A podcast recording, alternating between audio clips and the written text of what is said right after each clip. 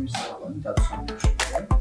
აა ჩვენ გონდენ პოდკასტი არის განსხვავებული და განსხვავებული იმით, რომ პირველ რიგში არის საახალწლო და ამასთან ერთად დღეს გაიცნობთ ჩვენს ესე ვთქვათ თანამშრომლებს, რომელსაც ეს წელი რაღაც ჩვენთან ერთად შეკრეს და არის რა ვქეთ ჩვენს ესე ვთქვათ პატივი რომ გაგაცნოთ ესენი, ეს არის ხატია თორდუა, ჩვენი თავ რედაქტორი ანა მჭედლიშვილი, რომელიც გარემოს დაცვაზე ზოგადად ბუნებაზე და ცხოვრების უფლებებზე ამ კუთხით აქტიურობს ხოლმე და არა მარტო ამ კუთხით. თორნიკე კიკნაძე, ჩვენი თქვა ტექ გურუ, რომელიც ტექნოლოგიების კუთხით არის ჩვენთან. ნინო გიორგობიანი, ადამიანი, რომელიც ჩვენთან ძალიან ხშირად წერს, ასე ვთქვათ, კოსმოსზე და ამ კუთხით ზოგადად ვახდება კოსმოსში, რაკეტებზე და ასე შემდეგ და მარიამ რამზაშვილი ჩვენი ყველაზე უმცროსი თანამშრომელი. რომელიც შედარებით ცოტა შემოგვერდა, მაგრამ მინდა გითხრათ, რომ ყველაფერში ახერხებს მოკლედ მარიამი, რომ თავის რაღაც უნდა შეიტანოს ხოლმე. დღეს უფრო როგორც ვიცი, რაღაც მედიცინის კუთხით ისაუბრებს. აა მოკლედ ზარო არ გამიგზელდეს, ალბათ დავიწყებთ და დავიწყებთ იმით თუ როგორი იყო ეს წელი, ხო, მეცნიერებაში და ტექნოლოგიებში ზოგადად. და ეს წელი მინდა აღნიშნო, რომ იყო ძალიან კარგი. მიუხედავად პანდემიისა და მთელი ამ პრობლემებისა, ძალიან ბევრი რაღაცა იყო და რო ფიქრობდით თუ როგორ და რანაირად უნდა გვესაუბრო, მივხვდი რომ ჯობია რაღაც უფრო სპონტანურად ვისაუბროთ, ვიდრე რაღაცზე ჩამოწერილად, იმიტომ რომ ძალიან ბევრი თემაა მართლა და რა ვეცდებით მოკლედ რომ ამ ყოველფერს მეტნაკლებად შევეხოთ და რაღაცები არ გამოგჩეს. აა იქნებ გამომდინარე რომ პანდემია ვახსენე, ეს პანდემია იყო რაღაც ასე ვთქვათ აა ამ წელს ფონად გასდევდა სულ ბოლომდე, თუმცა აა წელს ესეთ თემა იყო კიდე რაც არის ვაქცინები, ვაქცინები მოგვეუნა ხსნად, და მე ალბათ დავჯობია რომ ამ თემით დავიწყოთ უშუალოდ ვაქცინებით. და ეს ვაქცინები არა მარტო კორონავირუსის ხრივ წელს იყო ძალიან ბევრი მნიშვნელოვანი რაღაცა ამ ხრივ. კიბოს ვაქცინები მუშავდებოდა აქტიურად აი ინფექციის მალარიის ვაქცინა დაამტკიცა მაგალითად FDA-მ რაც ძალიან მნიშვნელოვანი ფაქტია. აი მაგალითად კიბოს ვაქცინებზე რომ ვთქვათ პირველი ფაზა და მეორე ფაზაც გაიარა კვლევებმა უკვე და ძალიან დამაიმედებელი იყო ამ ხრივ ეს კვლევები და აა როგორც ესე ვთქვათ კვლევრები გვაიმედებენ უკვე სულ ამდენიმე წელიწად შეიძლება კიბოს ესეთი მნიშვნელოვანი ვაქცინები გქონდეს და აა ძალიან მნიშვნელოვნად ამ დაიცვას ესე ვთქვათ ჩვენ ჯანმრთელობა. მმ და იგივე შემიძლია თქვა ზუსტად აი ინფექციაზე. აა და რო არ გამისელდეს, მოდი რაღაც აი ხატიას გადავწემ სიტყვას ჩვენ თავ რედაქტორს. ხატია მოგესალმებით კიდევ ერთხელ. მოგესალმებით. მმ, შენ ალბათ რაღაც უფრო Next-ის იმ ხრივ ისაუბრებ, ალბათ ხო რაღაც Next-მა რაკნა წელს და ასე შემდეგ და აი მოგესალმე. მე ნიულა ყველა ჩავერთვებით ხოლმე, ალბათ გადავცემთ ხოლმე მარათონს ერთმანეთს. ძალიან დატვირთული წელი იყო ნამდვილად Next-ისთვის, ძალიან ღირებული და წარმატებული, უნდა ითქვას აუცილებლად. აა მიუხედავად ძალიან ბევრი დაბრკოლებისა, რომელიც პანდემიას უკავშირდება და შენ სწორად თქვი, რომ მოგვევლინა ვაქცინები ხსნად და გარკვეულწილად შევძელით რომ იმის განსამენს ვქონოდა რომ ვირუსთან საბრძოლოდ რაღაცის გაკეთება მაინც შეგვიძლია ხო? ა მიუხედავად იმისა და მიუხედავად იმისა რომ Next-ი ძალიან ცდილობდა ვაქცინაციის კუთხით კამპანიები ეწარმოებინა, გაეცა კითხვებისთვის პასუხი ამ სხვადასხვა საზოგადოების გავრცელებული კითხვებისთვის რაღაც მეცნიერულად დადასტურებული პასუხი გაეცა. ამის მიუხედავად და ძალიან ბევრი ძალისხმევის მიუხედავად მაინც არ გვაქვს ჩვენ საქართველოში ის მაჩვენებელი ვაქცინაციის რომლითაც ვიტყოდით რომ წელს ისე ვხურავთ რომ რაღაცნაირად გავუმკლავდით ვირუს რაღაც დონეზე. და 2022-ს დაცულად ხვდებით ხო? ეს საკმაოდ სამწუხარო ამბავი არის. თუმცა აი ამ მოცემულობას რაც ვაქცინაციას ეხება არ შეუშვია ხელი მეცნიერების და ტექნოლოგიების მიღწევისთვის ოღონდ ანაკლებად საქართველოსში ჩვენ უფრო უცხოურ ამბებს ვაშუქებთ ხოლმე, თუმცა ქართულ სტარტაპებსაც არაერთი წარმატება ჰქონდათ ამ წლის განმავლობაში, მახსენდება Phase მათ შორის, Pulsar AI, რომელიც რაღაც გლობალურმა ბრენდმა შეიძინა და ახლა მისი ღირებულება 10 მილიონი დოლარი არის, რაც ძალიან დიდი მიღწევა იყო ქართული სტარტაპ ეკოსისტემისთვის, ძალიან მნიშვნელოვანი. და სამეცნიერო მიღწევები იქნებოდა ეს ასტრონომიის კუთხით, მედიცინის კუთხით, ფსიქოლოგიის კუთხით თუ სხვა მიმართულებებში, რა მიმართულებებსაც Next-ი ფარავს, ძალიან აქტიურად ვცდილობდით, რომ გავეშუქებინა ეს ყველაფერი, ხო? წლის განმავლობაში ძალიან ბევრი მნიშვნელოვანი თემა დავფარეთ და ამას ჩვენი ჟურნალისტები, სამეცნიერო ტექნოლოგიური ჟურნალისტები უფრო აა სიღრმისეულად მიმოიხილავენ, ძალიან ბევრი ესეთი ტენდენცია გამოიკვეთა, რომელიც საინტერესო იყო როგორც სოციალური თვალსაზრისით, ისე მეცნიერების, ტექნოლოგიების განვითარების თვალსაზრისით, რაც ასევე რა თქმა უნდა ჩვენ სოციალურ ფუნქციონირებას აისახება ხოლმე, როგორც ყველანი ვხედავს დღეს ტექნოლოგიურ ეპოქაში. კადრობრივად ძალიან საინტერესო წელი გქონდა, ვიპოვეთ მარიამი და აუცილებლად უნდა აღნიშნო სტაჟირების პროგრამა გქონდა Next-ში და კიდევ ერთი რამ უნდა აღნიშნო, ვცდილობდით უფრო ახალგაზრდა ადამიანები, რაღაც ერთი თინეიჯერები დაგვეინტერესებინა მეცნიერებითა და ტექნოლოგიებით და ის შედეგი, რა შედეგიც აჩვენა სტაჟირების პროგრამის გამოცხადებამ ნამდვილად ხაზს უსვამს იმას, რომ ახალგაზრდები დაინტერესებულები არიან მეცნიერებითა და ტექნოლოგიებით და 951 მსურველი ყავდა სხვადასხვის სტაჟირების Next-ში 16 წლიდან ახალგაზრდები. და მათგან ამოვარჩიეთ მარიამი, რაც ნამდვილად ესეთი აღსანიშნავი ამბავია, რომ 951 ადამიანიდან რო შეგარჩევენ აა ნამდვილად გამორჩეული ხარ და next-ის ახალი ვარსკვლავი ხარ ვაკლეთ რა ვთქვა. აა ასევე ჩვენ გუნდ შემოვერდა ნინო, რომელიც მართლა ძალიან მნიშვნელოვანი აა არ იქნება ალბათ რა ვთქვა, შენაძენი არის next-ისთვის, იმიტომ რომ ძალიან ისეთი დამრტმელი ძალაა, ასე ვთქვა და თორნიკეტს შემოგვერდა 2021-ში თებერვალში, ხო? მიუხედავად იმისა, რომ მანამდეც იყო Next-ში, მაგრამ ცოტა ხნით განგვერიდა და დავაბრუნეთ შემდეგ, ხო?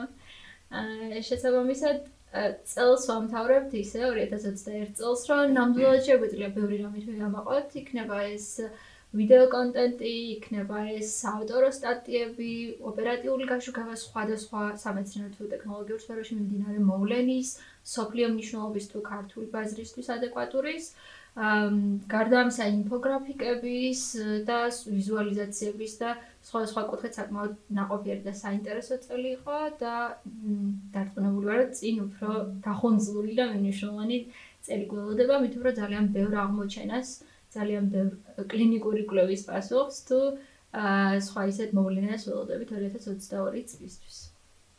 კი ბატონო და რა ვიცი ალბათ აა ჯობია რომ რაღაც თვითონ ჟურნალისტებიც თავისი გაგვიზია რომ მოკლედ გამოცდილება next-თან დაკავშირებული ან დავაკავშირე.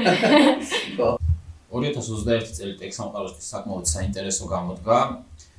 პირველ რიგში უნდა აღვნიშნოთ რომ ეს წელი შეიძლება ჩაითვალოს კრიპტოვალუტების წლად.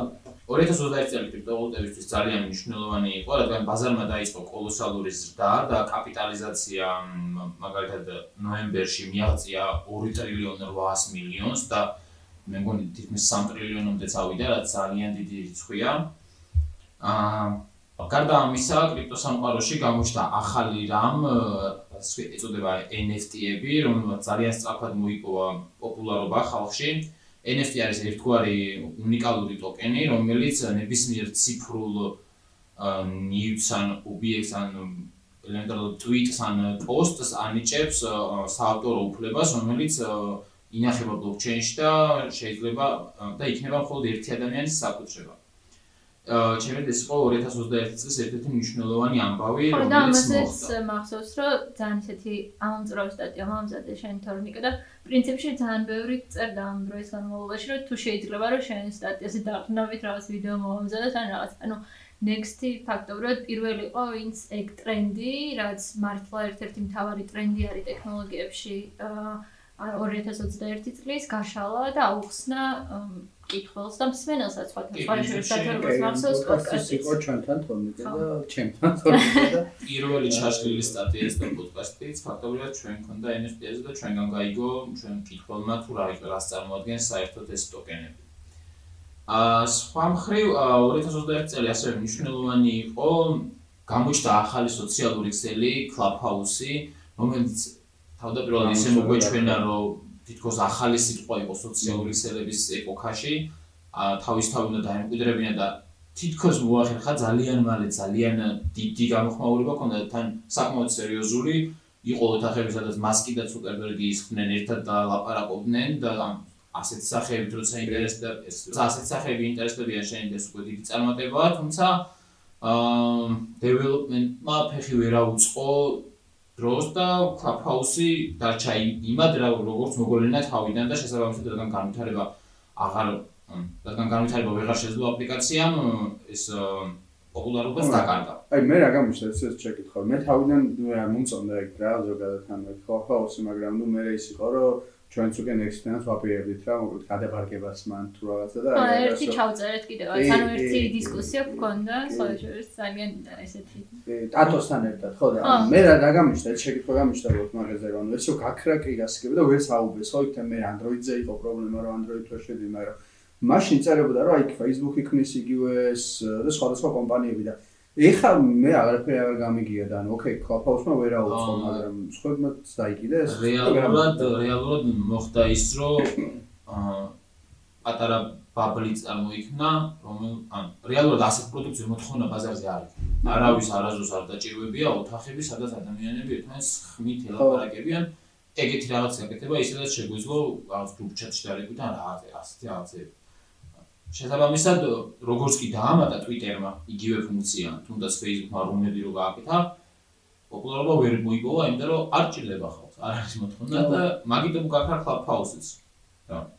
ადამიანებში დაკარგა ინტერესი ძალიან მალე, იმიტომ რომ რეალურად არავის არ ჭირდებოდა. უცნაურია ძალიან ეს როგორ თავიდან როგორ ჩაითრია ხალხი და მე ხო, ძალიან, რა ვიცი, ან ჯერ ექსკლუზიურობას უკავშირდება და თან რომ აი მოსაწვევით შეგიძლია შემოვერთი რაღაც ინტრიგა იყოს იქაც და ეფლის მომხმარებლები რო იყვნენ, მაგრამ პირატესობის შეგრძნება იყო თავიდან ალბათ ის მამოძრავებელი, რამაც ბევრი მომხმარებელი გაუჩნდა და ხო ეგრე და მე ისეც იყვნენ რომ ესა Android-იანები თუ შემოვლენ ჩვენ აღარ გამოვიყენებთ რაღაც ეგეთი მომენტი ქონდათ რომ ეგეც იყო ერთ-ერთი მიზეზი რომ აპლიკაცია თითქმის ანუ ყველაზე მაღალ წერტილში როცა იყო პოპულარობა არსებობდა მხოლოდ ერთ პლატფორმაზე და Android-ის მომხმარებლები ვერ იყენებდნენ. რეალურად smartphone-ების ბაზარის 90% Android-ს უჭირავს. ხო, ძალიან ბევრი ესეთი იყო, რაც რამაც Clubhouse-ის ფეილი გამოიწია, მოკლედ რო ვთქვა. უცნაური და საინტერესო რაღაც იყო, მოკლედ და რა ვიცი, ალბათ ძალიან ბევრი სხვა შეიძლება ძალიან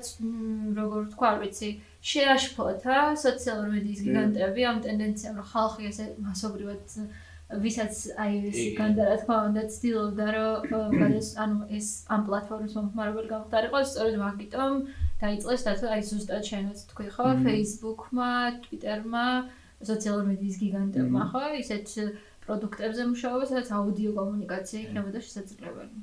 ანუ როგორც კი ფუნქციები გაჩნდა ასეთ სოციალურ ქსელებში, Clubhouse-ის არსებობას აზრი დაიკარგა. და შესაბამისად მოხდა ისაც მოხდა. გარდა ამისა, რა 2021 წელი რადგან სოციალურ მედიებში შევეხეთ, შეგვიძლია ხო Facebook-ის ამ რებრენდინგზე ვილაპარაკოთ, რადგან ხო ალბათ ერთ-ერთი ყველაზე დიდი კომპანია Facebook-ი, რომელსაც 3 მილიარდ ნახევარზე მეტი მომხმარებელი ყავს ამ დროისთვის თავის პლატფორმაზე და უცებ გადაწყვეტეს, რომ აღარ ვიქნებით დღეიდან Facebook-ი, ვიქნებით Meta. და რას ნიშნავს ეს Meta და რასთან დაკავშირდებოდა სახელი, თავიდან ცოტათი ბუნდოვანი იყო და უცნობი და დღემდეც ბუნდოვანია ბევრი ადამიანისთვის, რას ნიშნავს ეს Meta და ზოგადად რა არის მეტავერსი, რასაც უმიზნებს ზუკერბერგი რომ ისი შექმნათ სურს. ესო აუხსნათ ადამიანებს ორი სიტყვით, ეს არის ვირტუალური და გაფართოებული რეალობის გადაჯაჭვა ერთმანეთთან, სადაც გარდა იმისა, რომ შენ ვირტუალურ რეალობაში რაღაცას უყურებ, გაფართოებული რეალობის დახმარებით იმ ვირტუალურ რეალობაში ჩდება ნივთები, სხვადასხვა ნივთები, ობიექტები, ადამიანები, რომელთაც შეგვიძლია ფიზიკურად შევეხოთ და ასე შემდეგ. თან ტექნოლოგიების დახვეწასთან ერთად ეს ყველაფერი უფრო უფრო და უფრო რეალისტური ხდება. ნუ იცით რომ Facebook-მა Oculus-ი შეიძინა 2012 წელს და ამდენი წელია მუშაობს ვირტუალური რეალობის სათვალეების დახვეწაზე, რაც ეს შეიძლება ვთქვი რომ გამოვიდა უკვე ნორმალური შედეგი აქვს, თუმცა აი ზუსტად გუშინ დავწერეთ მასკზე მგონი სტატია აკრიტიკებდა მეტავერს, რადგან მას კითხვის რომ ცოტათი მოუხერხებელი იქნება 3 მილიარდ ნახევარი ადამიანი ჩადვირთო მეტავერსში და თან სახეზე მთელი დღე გიდოს რაც 500 გრამიანი სათვალე თვალწინ ეკრანით. ანუ მაგას თავისი უნდა რომ შექმნას, ხო, ხო? მაგ მაგსაც თვალის გაუმჯობესება მასკი მასკი თulis რომ ფაქტობრივად სმარტფონი რომელთან რომელიც თვალებთან გაქვს აკრული ვერ იქნება მომავალი. აა თუ გვინდა და აქ გადავდივართ იმპლანტებზე, ნეირონულ ინტერფეისებზე, რომლის რეალურად ო მაშინ როცა Facebook-ი იქნებოდა 2008 წელს არაფერი მსგავსი არ არსებობდა და ეს იყო დიდი ნახტომი, სადაც ხალხმა შეძლო ერთმანეთთან დაკავშირება. რეალურად აა Facebook-იდან მეტავერსი გადასვლა სოციალური ქსელის თვალსაზრისით ეგეთი ნახტომი ვერ იქნება. ვერანაირ. შეიძლება მეტავერსი სხვა დატვირთვა უპოვოთ უფრო, რადგან მეტავერსიც მეტავერსები მთლიანად რაც უკვე არსებობს, მაგრამ Facebook-ამდე უკვე არის მეტავერსები, რომლებიც blockchain სისტემებზეა აშენებული, sandbox და გარკვეული თამაშები არის, სადაც აა, შესვლად შეგიძლია და ამ თამაშებს აქვს განსაკუთრებულობა ის, რომ იმ თამაშში ყველაფერი რაც ფასიანია, შეგიძლია იყიდო, წერან როგორც ვახსენეთ, NFT-ის სახით, ანუ იმ თამაშში ყველაფერი იქნება შენი საკუთრება. აა მეტას რაც შეეხება Facebook-ს აქვს გეგმაში რომ თავისი კრიპტოვალუტა გამოუშვან თავისივე იმისთვის რომ თავისი თავისი ბრუნვა ქონდეს თავის მეტავერსში თუმცა ჯერჯერობით ხელშესახები არაფერი არ გვაქვს. გარდა იმისა რომ დემნამ CNN-ს მისცა მეტავერსში ინტერვიუ. და გარდა იმისა, სხვა ის 10000 თანამშრომელი გაიქირავა Facebook-მა, იმისათვის რომ მეტავერსი შეიქმნას და იმასაც აღიარებს, რომ მარტო ამ ყველაფერს ვერ გააკეთებს, ხო? იმდენად დიდი სამუშაოა, რომ რაღაც Microsoft-ის თუნდაც და სხვა ტექ გიგანტების ჩართულობა კიდევ დასჭირდება, რაც ადეკვატურია მართლაც, რომ და ან უბრალოდ რეალურად ის არის რომ Facebook-ი გათვლილია კომპანია რომელიც მოგებას იღებს მომხმარებლების რაოდენობიდან და როცა 3 მილიარდ ნახევარზე ელაპარაკი, ეს არის დედამიწის ნახევარი ხო ფაქტობრივად. კიდევ უფრო ძნელი იქნება რომ დიდ რაოდენობას ადამიანებისას აყიდინო 600 დოლარიანი Oculus Rift-ის სათვალეები და ამ- ამის ხმარების და- ვალდებულება იმიტომ რომ Facebook-ს აწერია რომ უფასო და ყოველთვის ასე იქნება და უკვე გამოდის რომ რაღაც 600 დოლარი ან- რომ შეხვიდე პროსტა. კი, ეგეც არის ან ძალიან დიდი პრობლემაა, ეგ მაქრე ან ალბათ ფიქრობენ რომ წარმოება იმდენად გაუმარტივდებათ რომ გააიაფდება, თუმცა ეს კიდე უფრო წარმოუდგენელია იმის ფონზე რომ 2021 წელმა და კორონავირუსმა ტექ სამყაროს მოუტანა გლობალური ნახევარგამტარების დეფიციტი და არც ერთი ტექ ნივთი აღარ იშოვება ისე როგორც იშოვებოდა შარშან. ანუ ერთადერთი პრობლემა რომელიც რომ ერთადერთი ინდუსტრია რომელსაც პრობლემა არ შექმნია ამ ხრივ ჯერ არის მარტო სმარტფონები. დანარჩენი კომპიუტერები და ვიდეო ბარათები, პროცესორები ყველაფერი იწარმოება ახლა შეზღუდულად და Nvidia და სხვა Intel და სხვა დიდი კომპანიები ფიქრობენ რომ აა, 2023 წლამდე მაინც გაიწელება ეს დეფიციტი. შესაბამისად, მარკის გეგმები სავარაუდოდ ცოტათი დაგვიანდება. ხა არც ვიცით რეალურად როდის ასრულდება, ხო და აი ხა შენ რო ის ახსენე ხო მასკი ახსენე და ნუ მასკმა რა თქვა, ხო რაღაც ისეთი შტაბჭება შევა, თვითონ ყველა თავისკენ გვერდხაჩება, ხო ამ კი. შემთხვევაში მასკი ამ კუთხით ეხა თავის იმპლანტების ხარეს გვერდხაჩება და ნუ საუბარი იმაზე რომ სიტყვაზე ეს არ გეკეთება ეს სათვალეან ჩაფხუტი და პირდაპირ ყავი დაკავშირებული რა ყველას თავის რაღაც უნდა და ცუკერბერგისაც მის მაგ კუთხით იმიტომ თითქოს ამოწურა თავი მაქსიმუმს მიაღწია და იქ კიდე რაღაც ახალი უნდა თავის სპეციფიკიდან გამომდინარე შემოთავაზოს და აი მაგ ხრივ მასკზეც რო ვილაპარაკოთ არ მარტო მასკზე ხო ანუ აი ეს ნეურალინკი იგივე ის მომენტი იყო მაიმუნი რო ყავს რო გამოაჩინა წელს გამოაჩინა ესე თქვა მასკმა მაიმუნი რომელიც თამაშობს ამ ონგს ხო თამაშობდა. ხო და აი მაგ ხრივ რა შეგვიძლია ვთქვა რა ანუ რამდენად იყოს საერთოდ ეს შთამბეჭ და ან თუ არის საერთოდ შთამბეჭდავი ესეთი რაღაცები რაც მასკი ამის იმიტომ რომ აი ერთი მხრივ ხა შენ ამბობდი რომ ერთი რა უნდა სუგერბერგს და მეორეა რომ დიდი გამოწვევების წინაშე და მეორე მხრივ მასკია რომელსაც თავის ის აქვს მაგრამ ისიც საკმაოდ დიდი გამოწვევების წინაშეა ხო?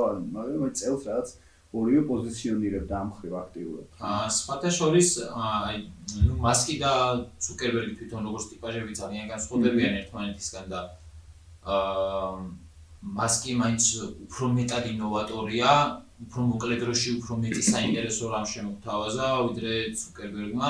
ცუკერბერგი რაც ეტაპობრივად მიყვება თავისი კომპანიის განვითარების გეგმას, გზად ვინც ხვდება ყველას ყლაპავს, სანამ შეუძლია და რა ან მაგაზე მე შემიძლია ვთქვა, რომ აი ეგ რაც მასკმა შემოგთავაზა ნეირონული ინტერფეისების სახით და ეხა გახდა პოპულარულია ეს ყველაფერი საზოგადოებაში 10 წლეულების წინ სხვადასხვა ინსტიტუტში მეცნიერები ცდილობენ ამ ტექნოლოგიას და ნეირონული ინტერფეისები მასკი შექმნილი არ არის, ანუ ახალი ამბავი არ არის და სხვადასხვა კუთხით იყენებენ არაერთი ახალი ამბავი დაგვიწერია, როცა ნეირონული ინტერფეისის გამოყენებით რაღაცებს მივახციეთ, ხო? მათ შორის პარალიზებულმა ადამიანმა გაიარა, დაინახეს ნეირონული ინტერფეისის გამოყენებით და ასე შემდეგ, ხო? შესაბამისად, ხო, განსხვავება ის არის წინა 10 წლების განმავლობაში ლაბორატორიებში შექმნილ და გამოცდილ იმპლანტებსა და მასკის იმპლანტ შორის, რომ ამ ლაბორატორიაში შექმნილები უნდათ, ანუ მეცნიერების მიერ შექმნილები და არა მასკის კომპანიის მიერ შექმნილი, სადაც ასევე მეცნიერები არიან, მაგრამ სხვა მიზნები განასხვავებთ ხო ერთმანეთისგან. მეცნიერებს, რომლებიც აწლეულები ამ ამბავზე მუშაობენ, უნდათ რომ რაღაც პრობლემები აღმოფხრან, მაგალითად კონკრეტულ ჯგუფს იქნება ეს პარალიზებული ადამიანები, უსინათლოები თუ სხვები, რაღაც შესაძლებლობები შეუქმნან, ხო? ხოლო მასკის მიზანი ის არის, რომ აა მასობრივი გახადოს ეს ტექნოლოგია და შეცვალოს ჩვენი ქცევა, მაგალითად ის თუ როგორ მოიხმართ სოციალურ ქსელებს, როგორ ვფიქრობთ, როგორ ვუმკლავდებით ფსიქიკურ დაავადებებს თუ სხვა, რა მან პირდაპირ თქვა, რომ რაღაც შიზოფრენიის და დეპრესიის მკურნალობა იქნება შესაძლებელი ნევრალინკის ნეირონული ინტერფეისით, რაც ძალიან მნიშვნელოვანი განაცხადია, თუმცა მაიმუნის დემონსტრაციის მიუხედავად ჩვენ ჯერ არ დაგვინახავს ნევრალინკის იმპლანტისგან ეს შესაძლებლობები, ხო? წინ არის ჯერ კიდევ კი, აი, წელს თქვა, წელს კი არა, ცოტა ხნის წინ თქვა კიდე, რომ აი მოვალ წინან უკვე ადამიანებზე დავიწყებთ ამას, მაგრამ ანუ მართლა ეგ ყოველ წელს ამბობს. მაგრამ რომ დასაჩო, აი, გიგდებს ეგეთ რაღაცებს და მას კი არის უფრო ტიპი, რომელსაც შეუძლია მარკეტინგულად შეგვითოს და გაგიდოს. არც ერთი დედლაინი, რომელიც მასკმა თქვა, რომ რაღაც ასე ამ დროს იქნება, არ შეუსრულებია. არც ერთ. მათ შორის SpaceX-თან დაკავშირებით, რაც ყველაზე წარმატებული სტარტაპი არის ხო პლანეტაზე. ეს კლასთან დაკავშირებით არის ხო ყოველთვის ყველაზე დიდი პრობლემა, იმიტომ რომ მანქანებს წინასწარ უკვე თავს ხალხი ფულს იხდიან და მე ეს მანქანები გვიან ეკდება. Cybertruck-ი ხო? Cybertruck კიდე არა კონდენად ის არის იქნება მაინც გაყიდოდი, რამდენადაც Model 3 და Model S ყავდა და სულ გვიანებდა გვიანდებოდა პროდუქცია. სულ ეგრე მოსწის. ლაპარაკი წენების წენების ან და მოკლედ აქცია ყოველთვის. მაგრამ მარკეტინგულად საკმაოდ აი არ ვიცი. მასკის ტვიტერი რომ მუშაობს ესე ალბათ არავის არ არის დროს კომუნიკაციების დეპარტამენტი არავისთან არსად არ მუშაობს ეგ ის ინფლუენსერად შეგვიძლია მასკი დავასახე ნუ არის კიდევ ადამიანებს დაასახელოთ აი ხო ხო და აი ხა ეს ის ვახსენე SpaceX-ი ვახსენე ხო და ანუ ამ ხრივადაც ძალიან ის არის რა ანუ საინტერესო წელი იყო გინ კოსმოსური ტურიზმი რო ავიღოთ რა იმიტომ რომ არა მარტო მასი კონკურენტები გამოუჩნდნენ ხო ეს ბიუს მიაღწია ძალიან ისე. ხო. კი მიუხედავად იმისა რომ აპროტესტებზე ახლა ის იყო კონკურენცია და სხვა შე მაინც დაასწრო ხო SpaceX ეგრე გამოვიდა პირველი ტურისტები გაუშვა ბეზოსმა და არა მასკმა ხო და აი ამ ხრივადაც ძალიან საინტერესო წელი იყო და რა მე მგონი ნინოსაც შეუძლია რომ ამაზე უფრო კარგად აა გითხრას, იმიტომ რომ ნინო ამ ამ ხრივ აქტიურად მუშაობდა და აა ნუ რას ფიქრობ ზოგადად ამ კოსმოსურ ტურიზმზე და წელს იყო რაღაცა მართლა ბიზნესი იყო ამ ხრივ და ეს წელი მართლა ამორჩეული შეგვიძლია თქვა და მე რეაქცია შეგვიძლია უკვე თვითონ რადგან კოსმოსზე საუბრობ ერთ-ერთი ალბათ ავარ მომენტს ჩემს სოციალს გადავიდეთ, მაგრამ და ის კოსმოსური ტურიზმის თემა რო გავშალოთ, ძალიან კაი იქნებოდა რა. რას ფიქრობ შენს? კოსმოსური ტურიზმისთვის ეს წელი ნამდვილად ძალიან ნაყოფიერი იყო. იმიტომ რომ ორი კომპანიის რაკეტა გაფრინდა და ამ ორი კომპანიის დაფუძნებელი აიყვანა ატმოსფეროში და ეს ძალიან მნიშვნელოვანი იყო. ერთი იყო ჯეფ ბეზოსი, რომელმაც როგორც უკვე ახსენეთ, დაასწრო ილონ მასკს. აღარ მახსოვს გამეხმაურა თუ არა ამას იმას კი. მე შენ მახსოვს იმას მე მგონი არა. ეგეთ რამეს არ აი გნორი აი შედავე აი გნორი ეგეთ ეგეთი ნაბიჯი იყო მისგან შეიძლება ვთქვათ. ხო ძალიან წარ კარგად წარიმართა მშვენივრად შესრულდა მისია და მეორე იყო რიჩარდ ბრენსონი რომელიც საკუთარი კომპანიის რაკეტით გაფრინდა და ესეც მშვენივრად დასრულდა, ყველაფერმა წარმატებით ჩაიარა და შეიძლება ითქვას, რომ ეს დასაწყისი იყო. უნდა აღნიშნოთ ისიც, რომ მომავალში გეგმება დედამიწის ორბიტაზე ტურისტული, ეთქვი, სასტუმროს მშენებლობა, რაც ძალიან დიდი ნაბიჯი იქნება. უნდა ახსენოთ იცით ტურისტთან არ არის დაკავშირებული, მაგრამ ჩინეთის ახალი კოსმოსური სადგურიც უნდა ახსენოთ. რომელიც წელს გაიყვანა მგონი პირველი მოდული ორბიტაზე და უკვე იქ არიან ჩინელი ასტრონავტები და ეგეც ძალიან მნიშვნელოვანი იყო და აქედან შეგვიძლია გადავიდეთ აი წლის დამაგვირგვინებელი რაც იყო და რაც ყველანი ძალიან დიდი ხანი ველოდებოდით ეს არის ჯეიმს ვების კოსმოსური ტელესკოპის გაშვება. 2007 წელს და აი რა დავკონკრეტდეთ 14 წელი ველოდებოდით ამბავს აი მართლა ძალიან დიდი ხანი ველოდებოდით ამაზე მუშაობა 2004 წელს დაიწყეს, მაგრამ იდეა არის ჯერ კიდევ 1990-იან წლებში. გაჩნდა და აი სხვადასხვა ტექნიკური მიზეზის გამო ძალიან ბევრჯერ გადაიდო, ჯერ მარტო 2021 წელსაც რამდენჯერმე გადაიდო, მაგრამ 25 დეკემბერს ეს ისტორიული მოვლენა ვიხილეთ და გავაშუქეთ შეძლების დაბარა. აა ო ჩვენს კონდა ლაივი შეგვიძლია თქვა. კონდა. რაკეტის გაშვების შემდეგ. რაკეტის გაშვების შემდეგ და სტუმრად ყავდა ძალიან საინტერესო ადამიანი, სოფიო პატარაია, რომელიც ინჟინერი გახლავთ. ევროპის კოსმოსურ სააგენტოში და ძალიან ბევრი ტექნიკური ტექნიკურ საკითხში ჩავახედა იმ იმ საკითხებში, რომლებიც ჩვენ ასე კარგად არ ვიცოდით და თუ არ გაქვთ მოსმენილი, მოსმენეთ ხელს. სხვათა შორის საინტერესო იყო ძალიან ეს წელი. აი სოფიოზე გამახსენდა ნინო რა თქვი რომ აა ბიოგრაფიულ სტატიებსაც მომზადებდით ხოლმე და სოფიო იყო ერთ-ერთი მეცნიერი, რომელიც ანანო კონკრეტულად აა საზოგადოებას გააცნო და ძალიან მნიშვნელოვანი იყო ესეც თუნდაც მეცნიერების პოპულარიზაციისთვის და იმისათვის, რომ ვანახოთ ადამიანებს, რომ ყავს ქართული მეცნიერები, რომელიც ძალიან ისეთი დიდი გამოხმაურება ქონდა ამ სტატიას და ეგ იმაზე მეტყველებს, რომ აინტერესებს რა ქართულ ხალხს, რას რას ვაკეთებ საერთოდ აი ესეთ ტექნოლოგიის მხრივ, ასტრონომიის მხრივ. და ეს ადამიანები რას აკეთებენ, რომლებიც ქართულ წიაღში გაიზარდნენ და ძალიან კარგია რომ ჩვენი ქვეყნიდან ისეთი ადამიანები მიდიან და ეს საქმეს აკეთებენ მართლა ძალიან და ძალიან გულდასაწყვეტია რომ ჩვენ ქვეყანაში არ აქვს ამის შესაძლებლობა ხო? უნდა ითქვას შესაძლებლობა ხო და ეს ჯეიმს ვებზე რომ საუბრობდით ანუ აა ინდა მასშტაბური მოვლენაა რომ ალბათ მაინც შეგვიძლია ვთქვა ხო ანუ რას მოგცემს რა ეს მაგაზეს ვისაუბროთ ალბათ ისეთი რაღაც რომ მაგის სამბურ სტატიას დავწერეთ და ერთ კვირაში რაც სტატია დაიწერა. ჯეიმს ვები მართლა აი უმძლავრესი უმძლავრესი ობსერვატორია, რომელსაც რომელმაც უნდა ჩამოაცლოს ჰაბლის ტელესკოპი, რომელიც ამჟამად პირველ პირველ ბევრი ბევრი წელია უესმის მისი სახელი და სულ სწაფავს სხვა და სჭირდება ვიღაც და ეს ვინც ჩაენაცვლებს რა უფრო რაც ჩაენაცვლებს და ჯეიმს ვები აი იდეალური იდეალური ხელსაწყო ასტრონომიული ხელსაწყო რომელსაც შეუძლია რომ ჩაანაცვლოს.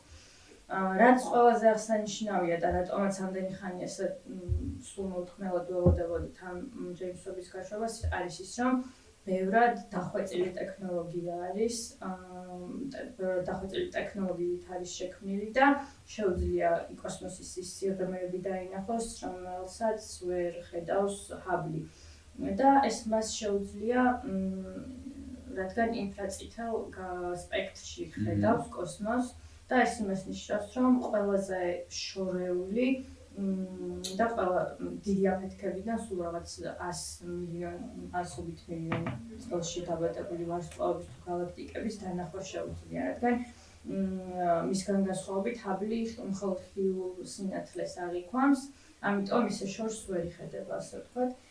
ამიტომ ჯეიმს ვებზე ძალიან დიდი მედებს ვამყარებთ, ასევე არ მხოლოდ galaktikების და ვარსკვლავების, არამედ ეგზოპლანეტები, კი, ეგზოპლანეტები და ჩვენი მზის სისტემაც, რომელიც თითქოს კარგად გვაქვს შესწავლილი, მაგრამ ასე არ არის და ამაში დაგვერწმუნებს ჯეიმს ვები დარწმუნებული ვარ.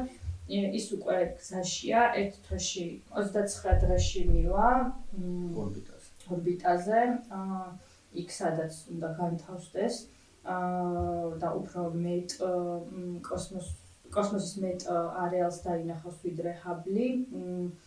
და მისგან პირველ მონაცემებს 6 თვეში მივიღებთ, მაგრამ ეს ლოდინი ღირს ნამდვილად, იმიტომ რომ შეიძლება გადა- გადატრიალება მოახდინოს სრული ამ სიტყვის მნიშვნელობით კოსმოლოგიაში და როგორც ველოდებით ხო როგორც სხვა შორის როგორც ერთ-ერთი კვლევის შედეგად, ანუ ერთ-ერთი კვლევა გვეუბნება 20 საათში შეუძლია რომ სიცოცხლე აღმოაჩინოს. სიცოცხლე არა კვალი სიცოცხლე კვალი. აა ეგზოპლანეტების ატმოსფეროში შეუძლია დააფიქსიროს ისეთი მ, მის შემადგენლობაში ისეთი თუ არის რამე თუ არის რა რისი იქ არსებობაც მხოლოდ ბიოლოგიური ორგანიზმების არსებობით აიხსნება. როგორც ვენერა შემთხვევაში იყო, მაგალითად ბოლო დროს ძალიან საინტერესო ეგეც რომ მ. მიმოვიხილოთ. ძალიან მაგარი რაღაცაა ზოგადად რა მაგაზე რომ ვფიქრობ ხოლმე რომ ანუ ეძებთ ეგზოპლანეტებს, მე რომ ეძებთ იქ-ცოტას, მაგრამ ანუ ბოლომდე ის არ ვიცი თვითონ მზის სისტემა შეიძლება იყოს სიცოცხლე ხო და ანუ ახლა რა თქმა უნდა ხავს გავუსვამ რომ არ იგულისხმება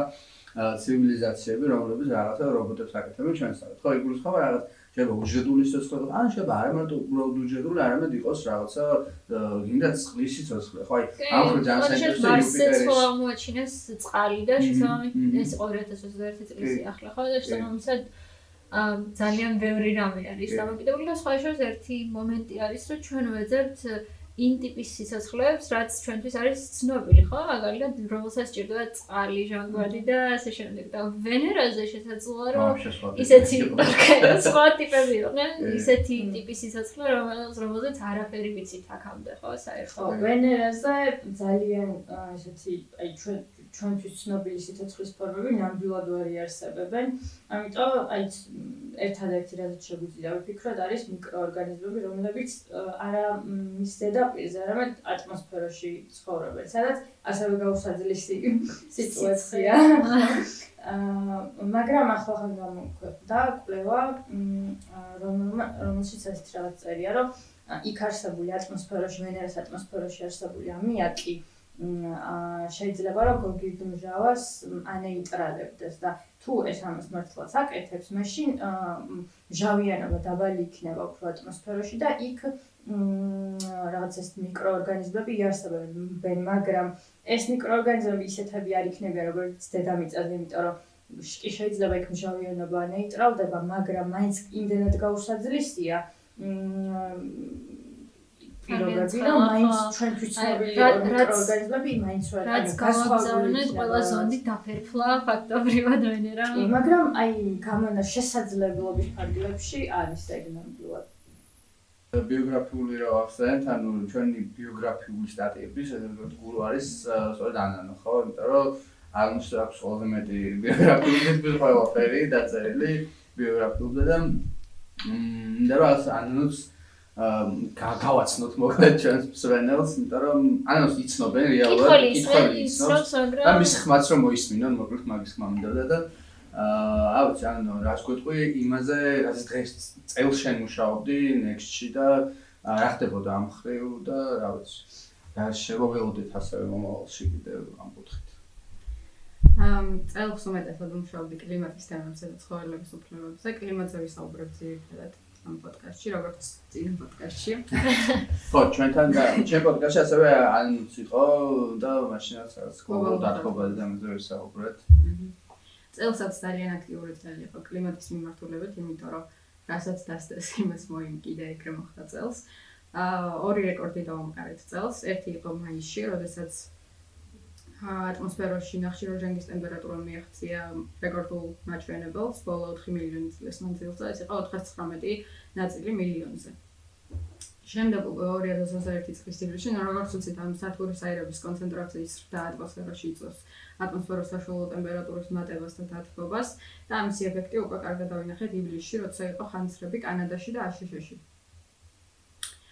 კანადაში ივლისში დაფიქსირდა ყველაზე მაღალი ტემპერატურა, ეს იყო 49.6 გრადუსი ცელსიუსი და კიდე მოხდა ის, რომ მთლიანი სოფელი დაიწვა ამის შედეგად ლიტონი და აა, დაახლოებით 500-მდე ადამიანი დაიღუპა და ამ- ამას მოყვა კიდევ ინფრასტრუქტურის დაზიანება, ასევე მაგალითად ორეგონში ტრამვაის ხაზები საერთოდ დადგა და ასე შემდეგ, იმიტომ რომ ამ ქალაქის ინფრასტრუქტურა საერთოდ არ იყო გათვლილი ესეთ ტემპერატურაზე და კანადაში განსაკუთრებით მოულოდნელი იყო ესეთი სიცხეების დაფიქსირება.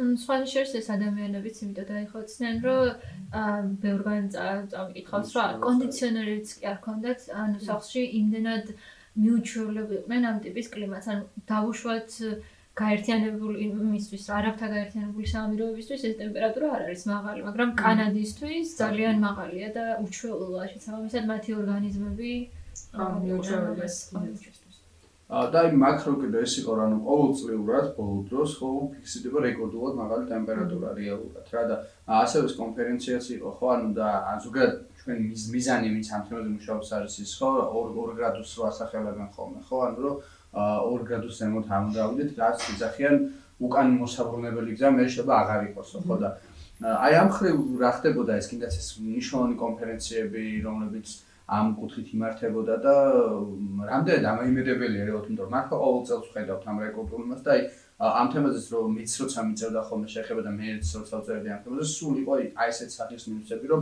იქნებოდა ეს ალიასკა თუ რაღაცა. ისეთი ადგილები მოკლედ სადაც ცივა და სულ ყინულია, აი ყოველ წელი ყოველ დღიურად ფაქტიურად რეკორდულად მაღალი ტემპერატურა ფიქსირდებოდა და რამდენად შესაძლებელია შენ რას ფიქრობ, რა გინდა ამ კონფერენციებს და თვალის გადავლების ფონზე, რამდენი შესაძლებელია რომ ეს პროცესი შევანელოთ ან შევაფერხოთ ასე შემდეგ, რომ 2 გრადუს არ გადავწყვეტ რა არც ეძახიან ხოლმე 2 გრადუსი. 2 გრადუსი არა უკიდურეს ეს მაჩვენებელი, გულჩემია რომ არ გადავწყვეტ 1.5 გრადუსს. ანუ ეს მაჩვენებელი არის ტემპერატურული ნაზრდი იმასთან შედარებით, რაც ჰქონდა ინდუსტრიული რევოლუციის დროს, ანუ მე-19 საუკუნის მეორე ნახევარში. აა ეხლა უკვე იმ პერიოდთან შედარებით ნაზრდი გვაქვს 1.1 გრადუსი. წელს წლის ბოლოს ნოემბერში იყო გლასგოში კლიმატის სამიტი ეს იყო COP26 რომელიც წესით უნდა ჩატარებული იყო შარშან მაგრამ პანდემიის გამო გადაიდო ერთი წლით და ეს იყო პარიზის კლიმატის შეთანხმების შემდეგ ერთგვარი შეხვედრა.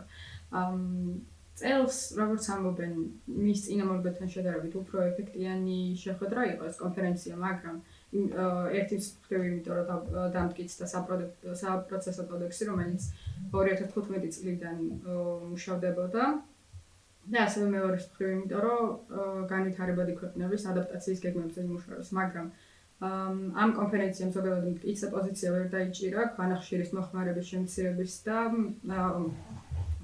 აი სათბურის აირების ემისიების შემცირების მიმართულებით იმიტომ რომ მაგალითად ჩინეთის და ინდოეთის შემთხვევაში როცა უნდა ყოფილიყო ხანხშირის საერთოდ ამოღება შევიდა ცვლილება ბოლოს და მოხდა ისე რომ ან იმაში კოდექსში ჩაიწერა ხანხშირის მოხმარების ნევნალა შემცირება და არასაერთოდ ამოღება.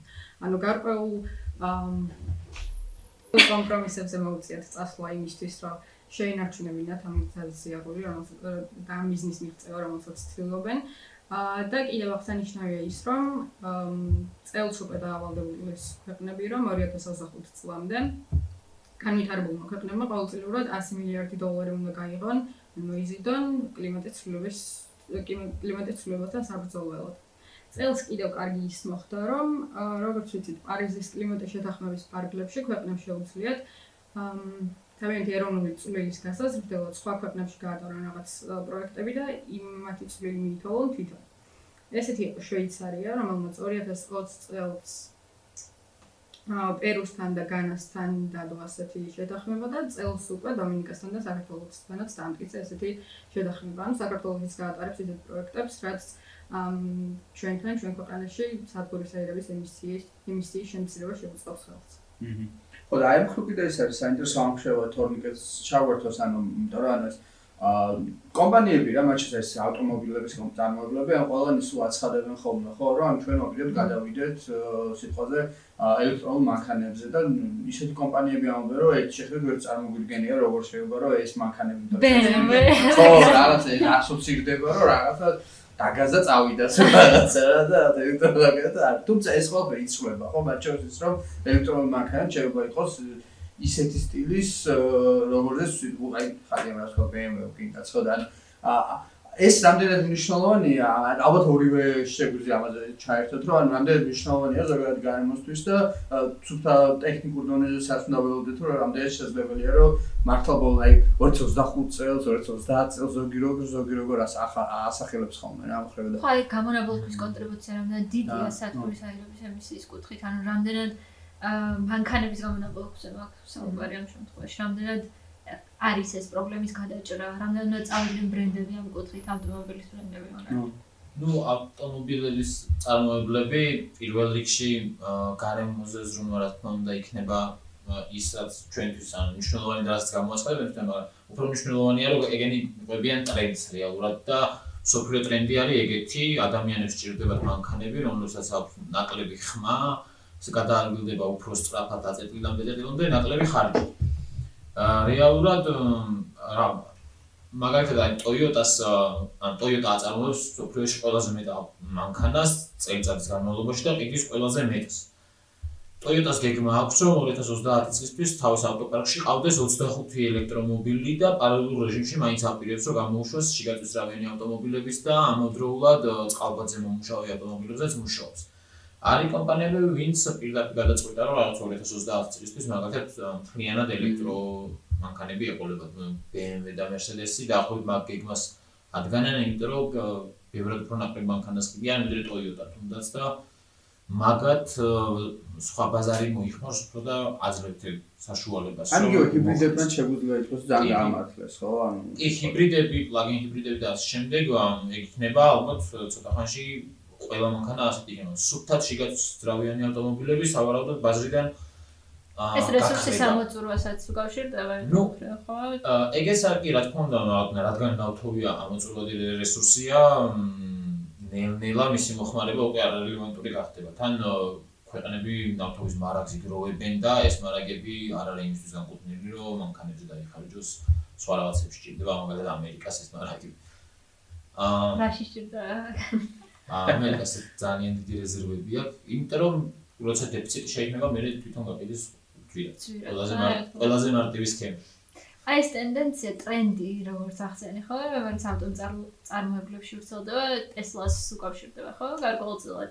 კი, სავარ ან ალბათ კი არა ხო, ტრენდი ის პოპულარობა რაც ეხლა ელექტრომობილების გარშემო ტრიალებს თავიდან ბოლომდე Tesla-ს და Musk-ის დამსახურება ვინაიდან სხვა ავტომობილები ეს ესე რომ მოხდა რომ კონკურენცია რო გაჩენილიყო ბაზარზე და ვალდებ ან თავი არ ეგზოთ ვალდებულად რომ ეგეოსფერო ისიც აიფისებინად, აიფისებინად რომ ის ბაზრის ეგნაწილიც ხო უფრო გვიან გადაგავდნენ იგივე ნაბის სავარაუდოდ, იმიტომ რომ ну ნავთობის ამოწურვის პრობლემა რეალურად 10 წელს და 20 წელში არ დაგვიდგება. შესაბამისად ეკნებოდა შანსი რომ კიდევ დიდი ხანი ყოფილიყვნენ იმ რელსებზე როგორც იყვნენ მაგრამ მასკმა უბიძგათ მაგისკენ რომ ცოტა გადაეხვიეთ თავიანთი სტანდარტული ფიქრებისგან და რაღაც ახალზე და კრეატიულზე იფიქრეთ აა რას ამბობს კლიმატის აქტივიზმი ამ ყველაფერზე? ანუ ანუ რა რამდენად არის გადაჭრა პრობლემის შიდა წვის ძრავებიდან გადასვლა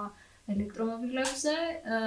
რამდენად ფიქრობ რომ ეს შეიძლება იყოს რაღაც პრობლემის მოგვარების გზა ერთ-ერთი რა თქმა უნდა. და ასევე კიდევ მახსოვს რომ ძალიან ბევრი ისეთი ახალი ტექნოლოგია იყო 2021 წლის განმავლობაში რომელიც ნახშირბადის ათვისებას გულისხმობდა, ასე მასკვაც გამოაცხადა, რომ რაღაც 100000 მისცემდა იმ ადამიანს, ვინც ნახშირბადის გამოცალკებების ტექნოლოგიას მოიფიქრებდა, რამე რეალური იდეას ხო, რამდენად ქმედითია ეს ყველაფერი, რამდენად გჭირდება. მანქანებს რა შეეხება ტრენდი ძალიან კარგია, უბრალოდ ძალიან ნელა მიდის ეს ყველაფერი და რეალურად რაღაც მნიშვნელოვანი ეფექტი არ აქვს ატმოსფეროზე.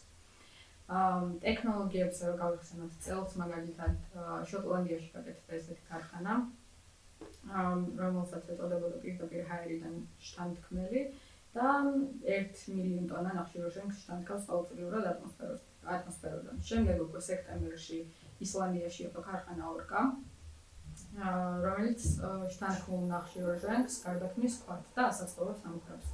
აქ შეგარებული იყო ისეთი, რომ ეს ყოველწლიურად ატმოსფეროდან 4000 ტონა ნახშირორჟანგს შთანთქავს. ამ დროს ეს არის ის რაოდენობა, რასაც ერთი წლის მანძილზე 870 მანქანა გამოყოფს. ძალიან ცოტა მე მგონი ხო რა.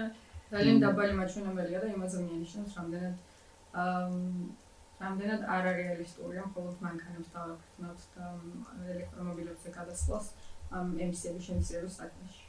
აა და ამ ემისიებს ანუ ამ კუთხით რაღაცნაირად ხო იგივე არის, აი ხორცის თემაც ხო შეგვიძლია რომ ამ განმოსენ პირდაპირ კავშირშია რა, ანუ მათ შორის აი იგივე დრო ამბობენ ხოლმე რა ფერმებში ამდენი ცხოველი რო არის სიტყვაზე, მათი გამონაყოფი ანუ ამ ამ ხრივადაც ხომ კუქნის ხო რა კლიმატს ხო პრობლემას და ამის შემცველად ძალიან ბევრი რაღაც ხელოვნურ ხორცე ხორცი იმედი აქვს ხოლმე ესე ვთქვათ და იყო რაღაც შემთხვევები, როდესაც მაგალითად რაღაც კონკრეტულ რესტორნებში გამოჩნდა უკვე წელს რომ რავი იყიდებოდა ეს ხორცი და ლაბორატორიული ხო ლაბორატორიული ხორცი შეგვიძლია. და აერონოს წერდა სტატიებს რა კავშირშია თქვენი მწვადი გლობალურ დათვალიერებას. რაზეც როგორი ძალიან ბრაზდებოდა და ამბობდა რომ მწვადს ვერ წაგვართმევსო და რა ვიცი. ქართულობას ხო, თუმცა ხო რატომაც არა სიტყვაზე ლაბორატორიული ხორცება უფრო გემრიელიც იყოს რაღაც კუთხით და უფრო ჯანს არის და ნუ ასთავარი თვითონ გარემოთვის არის ეს მნიშვნელოვანი ხო და ამ ხრივ რას უნდა ველოდოთ როგორ წარმოგიდგენია იმიტომ რომ მე პირადად ძალიან იმედებით ვუყურებ ამას იმიტომ რომ მე ვარ ხ ადამიანი რომელიც მაგალითად ხორცს ძალიან მიყვარს ხორცს ვარ დამოკიდებული მოკლედ მაგრამ აი იდეურ დონეზე მოკლედ ეს ყველაფერი მესმის და მიმაჩნია რომ ისაც თუ აკეთებთ სუფთა პლანეტის ხრივ თვითონ უშუალო ცხოვრებასაც უკეთებთ ამ ხრივ ეს გულისხმობა ფერმები ხო როგორც გარემოში საცხოვრებენ ამ ცხოველებს, ანუ რა ვიცი, იმეშნება საშინელებაა და ეს აუცილებლად შეიცვალოს და აი რას ფიქრობ ამაზე? რამდენად შეუძლია რომ ამ ლაბორატორიულ ხორცს სიტყვაზე ჩაანაცვლოს ეს? რა ვიცი. აი ტრანსპორტზე ხო საუბრობთ წერან და ზოგადად ტრანსპორტზე უფრო დიდი ეფექტი, უარყოფითი ეფექტი განმოზე აქვს თვითონ მეცხოველეობას და ცხოველების ოფრინოლების ფერმებს. აა ჩემი აზრით ძალიან კარგი ინიციატივა ეს ლაბორატორიული ხორცი, მგონი წელს ისრაელში გაიხსნა ხო ამის პირველი ქარხანა და ხო ხო ეს ერთ-ერთი მაგალითია უბრალოდ ლაბორატორიული ხორცის. აა მე მე ძალიან მედიანად ვუყურებ უბრალოდ ადამიანები რატომღაც ძალიან სკეპტიკურად არიან განწყობილები თუნდაც ხორცის რაციონიდან ამოღების ან ლაბორატორიული ხორცის მიმართ. და ერთი ეგ არის სული, თორე დანარჩენი მგონია რომ შევცლებთ რამდენად ის გადავახოს და გადავალთ ლაბორატორიულ ხორცზე. რეალურად რა შევხედოთ იმ ხორცის ჭამა ვისაც უყვართ ვეგანური ალტერნატივები ხორცის, მაგალითად ტოფუ ან სეიტანი, ვეროდ უფრო გემრიელია ვიდრე ნატურალური ხორცი. არა ნუ გირჩათ. ასე რომ ისმენო ტექსტილიად გასინჯოთ. ანუ გიჩოთ და ხო და მოგმან თავი კიდე ერთი ის არის მომენტი რომ ანუ შევა მე ვიყო ვიღაცა ვიღაცა რომელიც არის სკეპტიკურად განწყობილი ამის მიმართ მაგრამ მეორე მომენტია რომ მე თუ ამას გავსინჯავ და ნახო რა მაგარია უფრო გემრიელია და ამ ეტაპზე ვიცი რომ ეხლა ძვირიჭდება ამის წარმოება, ტექნოლოგიები ვითარდება და თუ რესურსი ჩაიდება ამ კუთხით, წარმოებაც გაიაფდება და თუ უფრო იაფი იყოს სიტყვაზე ამის წარმოება მომავალში გულისხმობ, უფრო გემრიელი იყოს. ნებისმიერ ადამიანს რომელიც სკეპტიკურად არის განწყობილი, აღარ იქნება სკეპტიკურად განწყობილი, ხო? ანუ ხო რაღაც აი ფილიპ დიკის იმაში ვარს რომ ოცნებობენ ანდროიდები ო იმაზე რა ქვია ცხრებზე რა და ანუ ანუ რაღაც აი სულ ეგ ეგ წარმომიდგენია ხოლმე რომ მომავალში თუ სიტყვაზე მართლა ხელოვნური ხორცი იქნება ეს ანუ ეს ცხოველები რაღაც შეიძლება მართლა ესე იყვნენ რომ ანუ იმდენ გამონაკლისი იყოს ეს შიდაური ცხოველები ადამიანებს ეყოლებათ რაღაც როგორც ახლა ზაღლები და კატები ყავს ალბათ ხო და რაღაც ეგ ეგეც საინტერესო იქნება. გარემოზე ჩვენზე მოქმედებაზე რო საუბრობდით ერთი ძალიან საინტერესო სტატია გამახსენდა ნინოსი როგორი იქნება დედამიწა ადამიანების გარეშე. საკმაოდ საინტერესო სტატია არის და გირჩევთ პოდკასტს. აუ, სხვა შორის კიდე ეს იყო, რომ ზუსტად შევა პროცენტი ვერ გავიხსენო, მაგრამ აი ეს ცხოველების მასა რომ შევადაროთ, აი იმ დროს ვკითხულობდი, ჩვენი შინაური ცხოველები და თვითონ ადამიანების მასა, წონა, გული, აი კილოგრამებში რო ავიყვანოთ, და გარეული ცხოველებს, გარეულ ცხოველებს უკავიათ, სადღაც მე მგონი, ან აი თუ არ მეშლება 10%-ს აღარ უკავიათ წარმოიდგინე პლანეტაზე რა, ანუ ადამიანებს და ჩვენ შინაურ ცხოველებს უკავიათ ძალიან დიდი.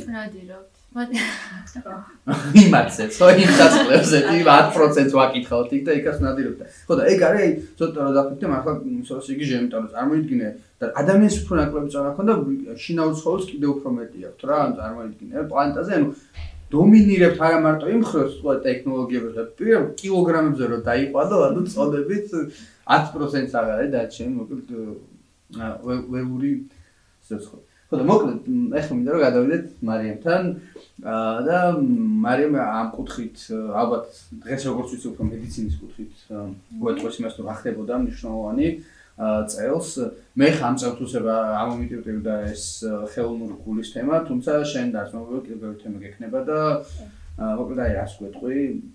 ამ ხრივ იმიტომ რომ მედიცინა არის ის რაც ყველა ყველა ადამიანს და დამოკიდებულია რაც ერთ-ერთი ყველაზე მზარდი სფეროა გლობალურ მსოფლიოში. თუმცა მიუხედავად ამისა, მაინც იმდენი პრობლემა არის გადაუჭრელი, რომ ერთი შეხედვით თუმცა კაცებს ვამბობ. ერთი ერთ შეხედ მეცინა ამოდგას აჩი. მაინც დავიშვათ. მე ჩემი ერთი სტატია მახსენდება, სადაც რომელიც არა ყოვლის შემძლე, მაგრამ კეთი მედიცინა ესე ერთხა და ცოტა შექსტინენ მაგვანა რაღაც. მატრიეს. აა ხო.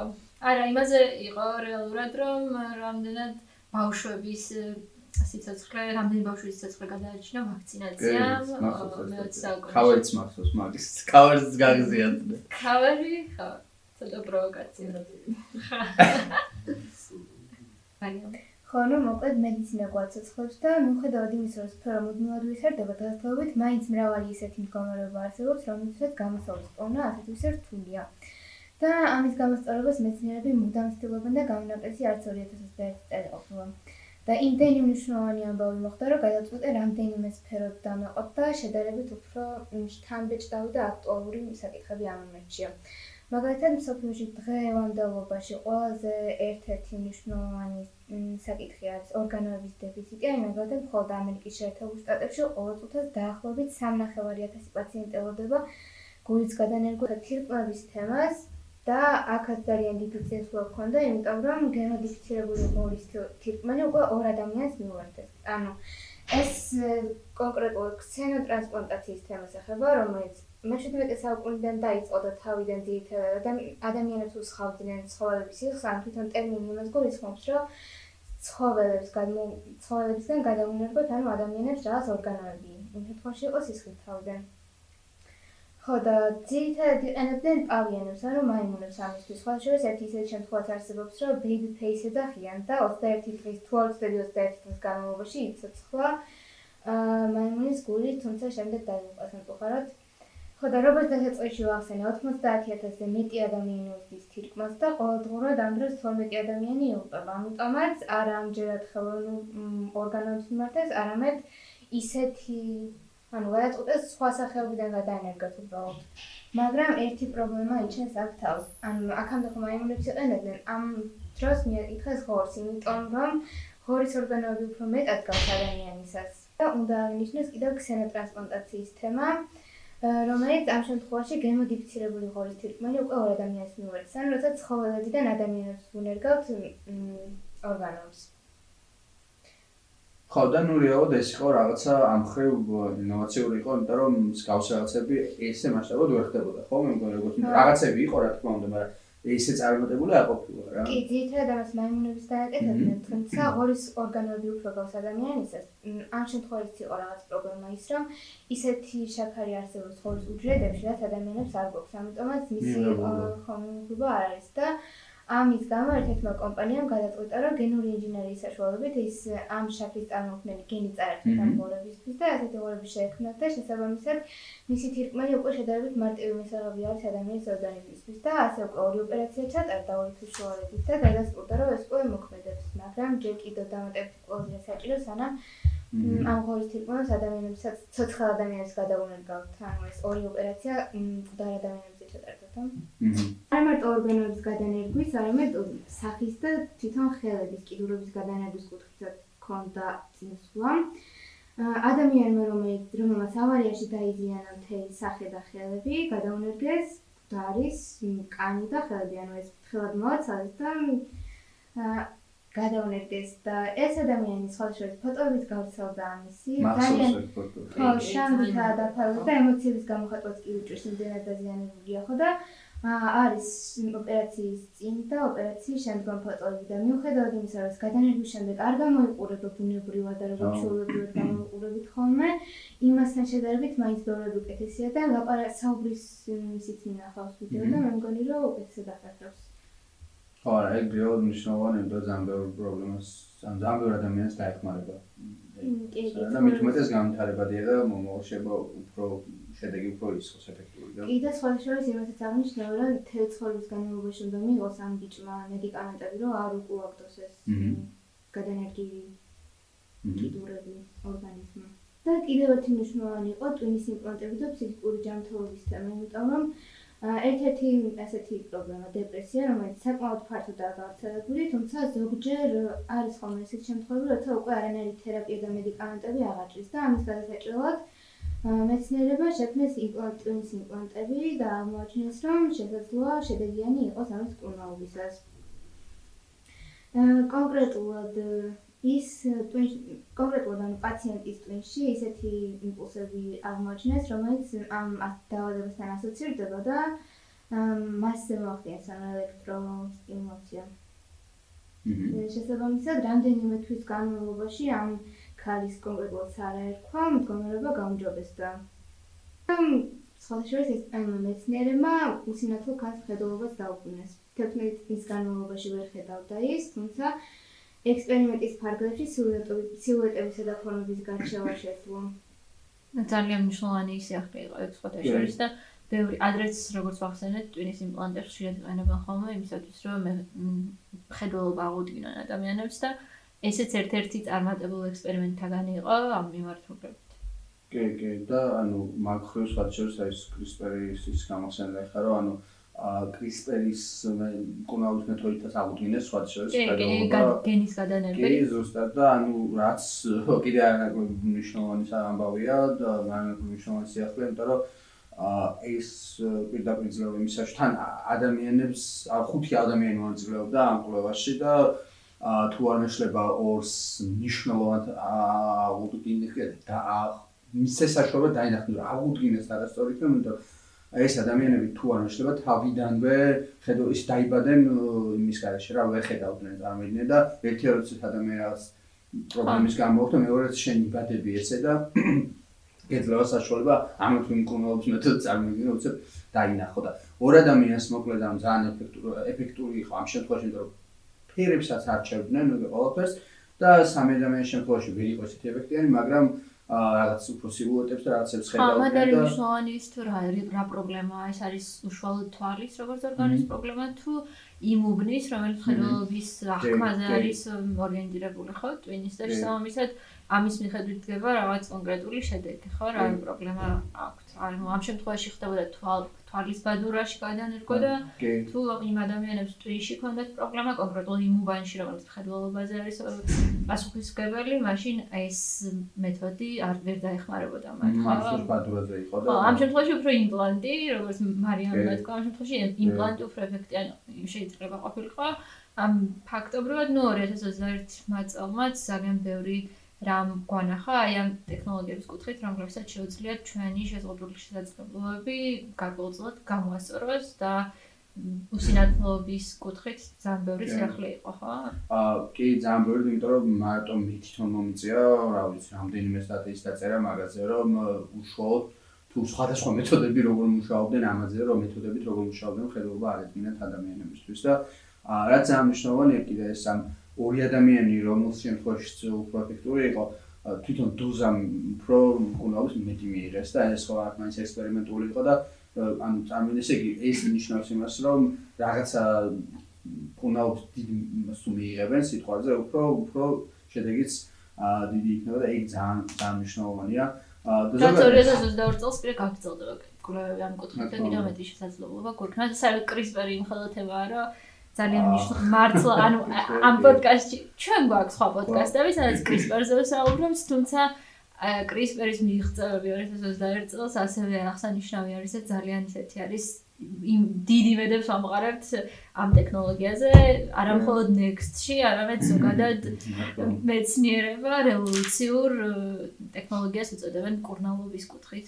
და მას შეუძლია ძალიან ბევრი ისეთ დაავადებასთან გამკლავებაში დაგვეხმაროს, მათ შორის კორონავირუსთან, ტიბოსთან, თუ სხვა რამეებთან. ამის მე რაღაცა შეიძლება ესე ვთქვათ, მიუგეს CRISPR და არ წელს კიდე ძალიან მნიშვნელოვანი იყო, რომ სიხში შეყვანით გენეტიკურ დაავადებას უმკურნალს და იქ პირველად მოხდა წელს და როგორც ამას უწოდებდნენ ეს არისო ძალიან რევოლუციური რაც ან თუ ამის განვითარება თუ მოხდა რეალ წარმოვიდი მართლა ნებისმიერი დაავადების აღმოფხვრა იქნება შესაძლებელი და ძალიან თუმცა კიდევ ერთი ამბავი არის რომელიც ანადეკვატურია პრინციპში საფრთხების დაცვის კუთხით რეგულაციები მთელი ამბები ლაბორატორიულად რამდენად FDI რამდენად დართავსნებას იმისათვის რომ ადამიანებში, კვლევებში გამოიყენონ ეს ტექნოლოგია და რამდენჯერმე იყო ესეთი შემთხვევა, წელსაც მისცეს უფლება, რომ გამოიყენებინათ CRISPR-ის ტექნოლოგია და შემდეგ წლებში კიდევ ახალი რამეები გვექნება ამ კუთხით, დიდი იმედი მაქვს.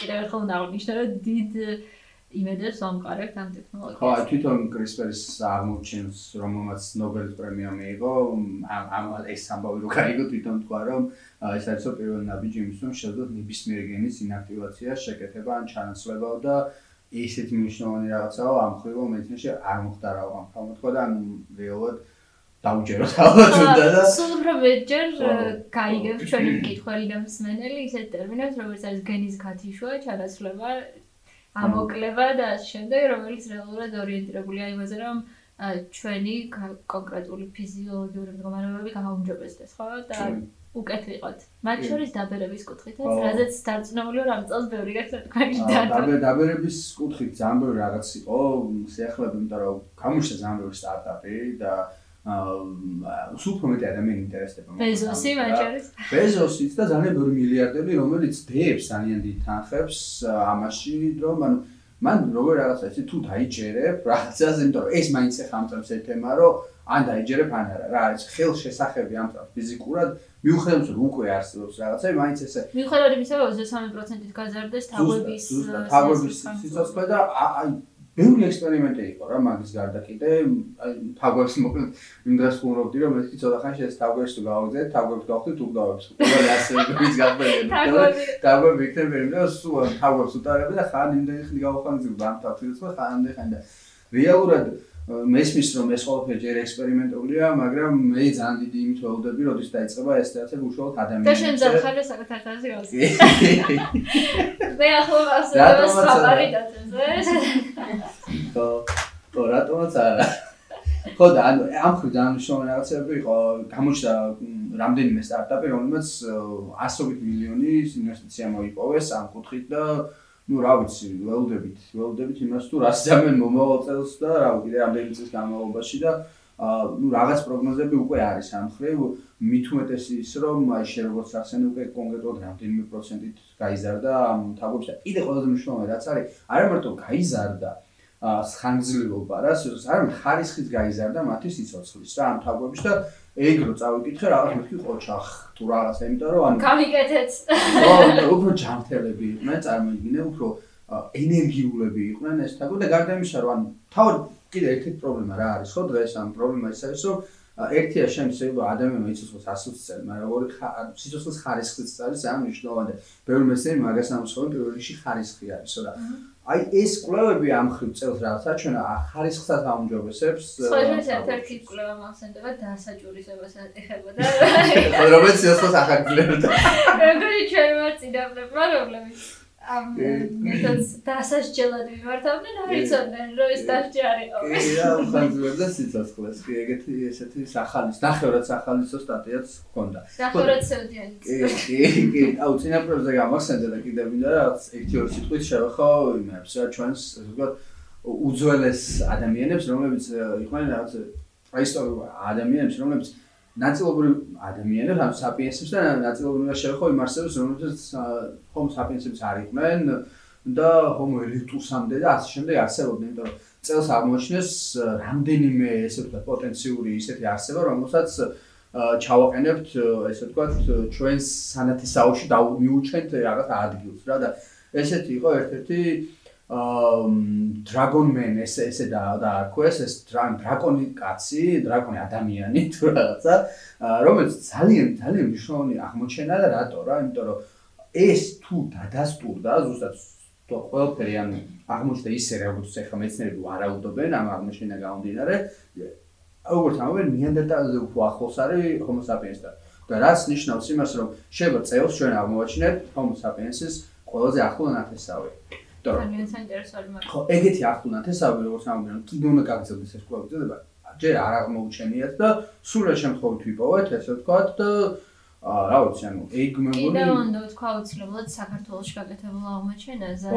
ოროზმანზე სადაც ორჯერ ვიყავით წელს გამომდინარე იქიდან რომ მართლა საქართველოში უფრო დიდი და მასშტაბური აღმოჩენა ამ პერიოდში არ არ გაკეთებულა და გქონდა იმის საშუალება, რომ აი ამ მეცნიერულ იმაზე პულსაციაზე ჭეროდა ხელი და გვენ გვენახა ადგილზე, როგორ მიმდინარეობს გათხრები, რა აღმოაჩინეს, რას გვიყვება იქაურობა, ხო? აა და იქაურობა გვიყვება იმას, რომ 1.800.000 წლის წინ ადამიანი საქართველოს ტერიტორიაზე, სამხრეთ საქართველოს ტერიტორიაზე იმაზე ფართოდ და იმაზე დიდი ხნის განმავლობაში იყო გავრცელებული, ვიდრე საქართველოს გვეკონა და ძალიან საინტერესო იყო ამ არტეფაქტებთან შეხება, რაღაც მონაწილეობა მათ მოგროვებაში Next-ისთვის და მომავალ წელსაც გეგმავთ, რომ ამ გათხრებში მივიღოთ უშუალოდ მონაწილეობა, ხო? და შესაბამისად ჩვენს გავხდეთ იმ აღმოჩენების, სოფლიო მნიშვნელობის აღმოჩენების ნაწილი. ან გამკეთებლები ამ აღმოჩენების შეიძლება ითქვას, ანანო არ მიყავს. ანანო არ მიყავს. იმიტომ რომ კონია რაღაცას დაამძრეს. არქეოლოგები. ყველა გავხდა.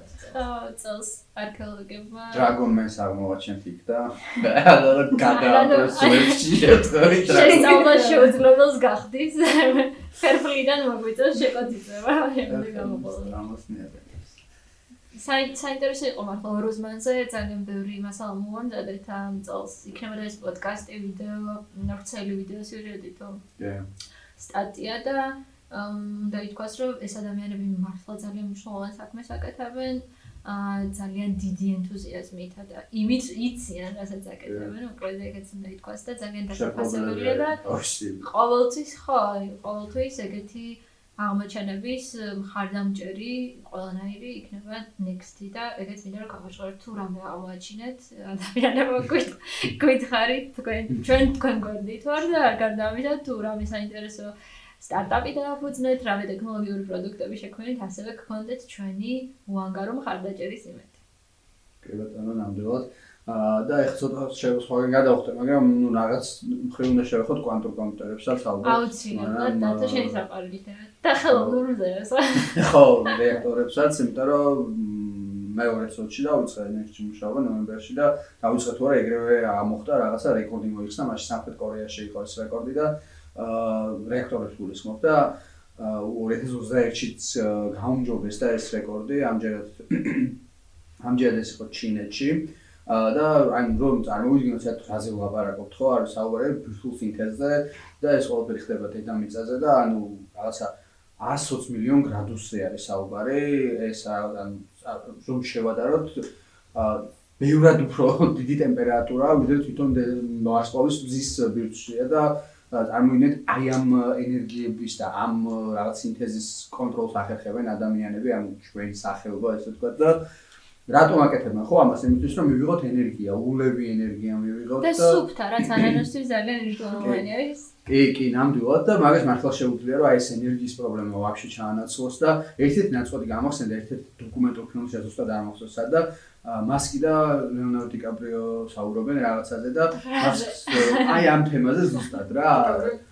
ხო ხო ხო. და აი შეყავს მასკს რაღაც ლაბორატორიაში და ამ რეაქტორით ჩამოვარდება ლაპარაკი და ეს დიკაპრიო ეუბნება რომ ვაუ რა მაგარი ყოფილა კარგად ხო არ ვიცოდი ამის ისო რა ანუ რამდენი ეფექტურიაო და ხო რა და მე მას გეუბნებ რომ ერთიც კი საკმარისიაო რა და ხო ერთი საკმარისია ანუ ამერიკასო ეყოსო რა და მას გეუბნებ არაო რა რა ამერიკასო რა ანუ თელს პლანეტასო რა ან თუ ეს ამუშავდაო რა და აი ესეთ მოკლედ ესეთ რაღაცაზე მინდა ვისაუბრო.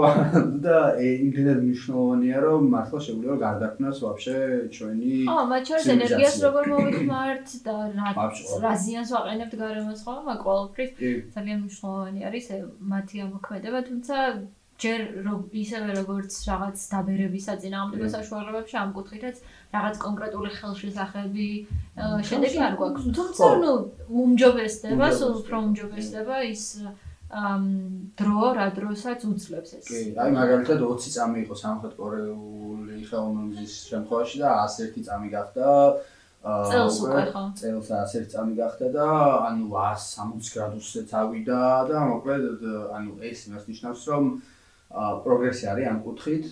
ძალიან სწრაფი სხვა კეშერის. კი, კი, ვერ ვთქვი რომ მომავალ წელს ან 2-3 წელს შემდეგ ეს მოქმედი იქნება ეს, მაგრამ როგორც ამბობენ, რამდენიმე აწეულში ეს უკვე შესაძლებელი იქნება, რომ 100 რეაქტორი მაინც ფუნქციონირებს, ანუ ეს რა ყველაფერი შეცვლის.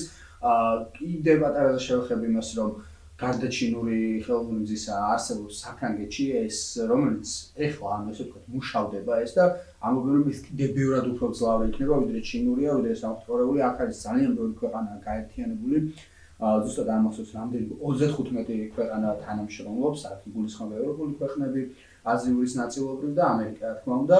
და წელს იმიტომ მნიშვნელოვანია ეს რომ ყველაზე მძლავრი მაგნიტი დაუერთეს ამ რეაქტორს და ამ მხრივ იყო ეს წელიწადი წემა თქო მნიშვნელოვანი. სხვა შორის ისიც მნიშვნელოვანი არის, რომ აი რაღაც გასულმა საუკუნეებმა მათ შორის ჩერნობილმა და ბირთვული ენერგიის მიმართ რაღაც უნდობლობა კი არა, პირდაპირ შიში გააჩინა. ხო და წელს იყო ეგეთი მომენტი, თორნიკე, გახსოვს მე მგონი რომ საფრანგეთმა საფრანგეთი შემოbrunდა ბირთვული ენერგიისკენ, რაც ძალიან მნიშვნელოვანი ნაბიჯი იყო და გაბედული ზერდი მხრივ, იმიტომ რომ ქვეყნები პირიქით მაგ მოვლენების შემდეგ გაურბიან ბირთვული ენერგიის ათვისების შესაძლებლობებს. რეალურად ევროპას წინდან წლამდე ექნება ენერგო ენერგიის დეფიციტი, სულ უფრო და უფრო მეტ ენერგიას მოიხმარს ყველა ქვეყანა. მათ შორის რადგან მაინინგიც ესე გააქტიურდა, მაინინგი კოლოსალურ ენერგიას მოიხმარს, დღეს დღეს სუპერ მასშტაბით ვაიღოთ, მთელი მაინინგი და ენერგიას მოიხმარს ევროპის ქვეყნებს სერბეთზე მე დენს ხარჯავს მაგალითად და ეს აისახება ევროპის ელექტრომომარაგებაზე ნამდვილად. და საფრანგეთს საფრანგეთს ყველაზე მეტი ელექტროსადგური აქვს სოფლიოში და კონთ რამდენიმე სადგური რომელიც გააჩერეს რაღაც პერიოდი, იმიტომ რომ რეალურად საჭიროება არ ქონდა, თუმცა მაკრონიც რომელიც თავიდან წინააღმდეგი იყო და ერთ-ერთი საარჩევნო ისიც იყო მისი სლოგანი რომ სლოგანი დაპირება რომ განახლებად ენერგიაზე გადავიდოდნენ როგორც ჩანს მიხვდნენ რომ ატომურ ელექტროსადგურებში არის ჯერ კიდევ დიდი პოტენციალი და მათი აკრძალვა არა არამედ დახვეწაა საჭირო. სხვადასხვა ამერიკაც ამერიკაც აგრძელებს შემშენებლობას და აშენებენ ახლებს და ვიწროთ წრე ადამიანების სასაუბროს მხოლოდ იმაზე რომ ატომური ელექტროსადგურები არის ცუდი. რეალურად იმ ისტორიულ გამოცდილებაზე არანაირი კეთილი ალტერნატივა დღეს არ გვაქვს. რომ ვაღიაროთ. მიუხედავად იმისა, რომ მუშაობთ თუნდაც პრიზმებზე, ხელოვნურ მზეებზე, ხო, ჯერ არ გვაქვს სუფთა ეგეთი ალტერნატივა, რომელიც მაგ ყველაფერს ჩაანაცვლებს. მაინინგზე მინდოდა მე თქვა, რომ სალვადორი გახდა ქვეყანა, რომელმაც მაინინგისთვის ვულკანური ენერგია გამოიყენა. ეს არის მასილებს.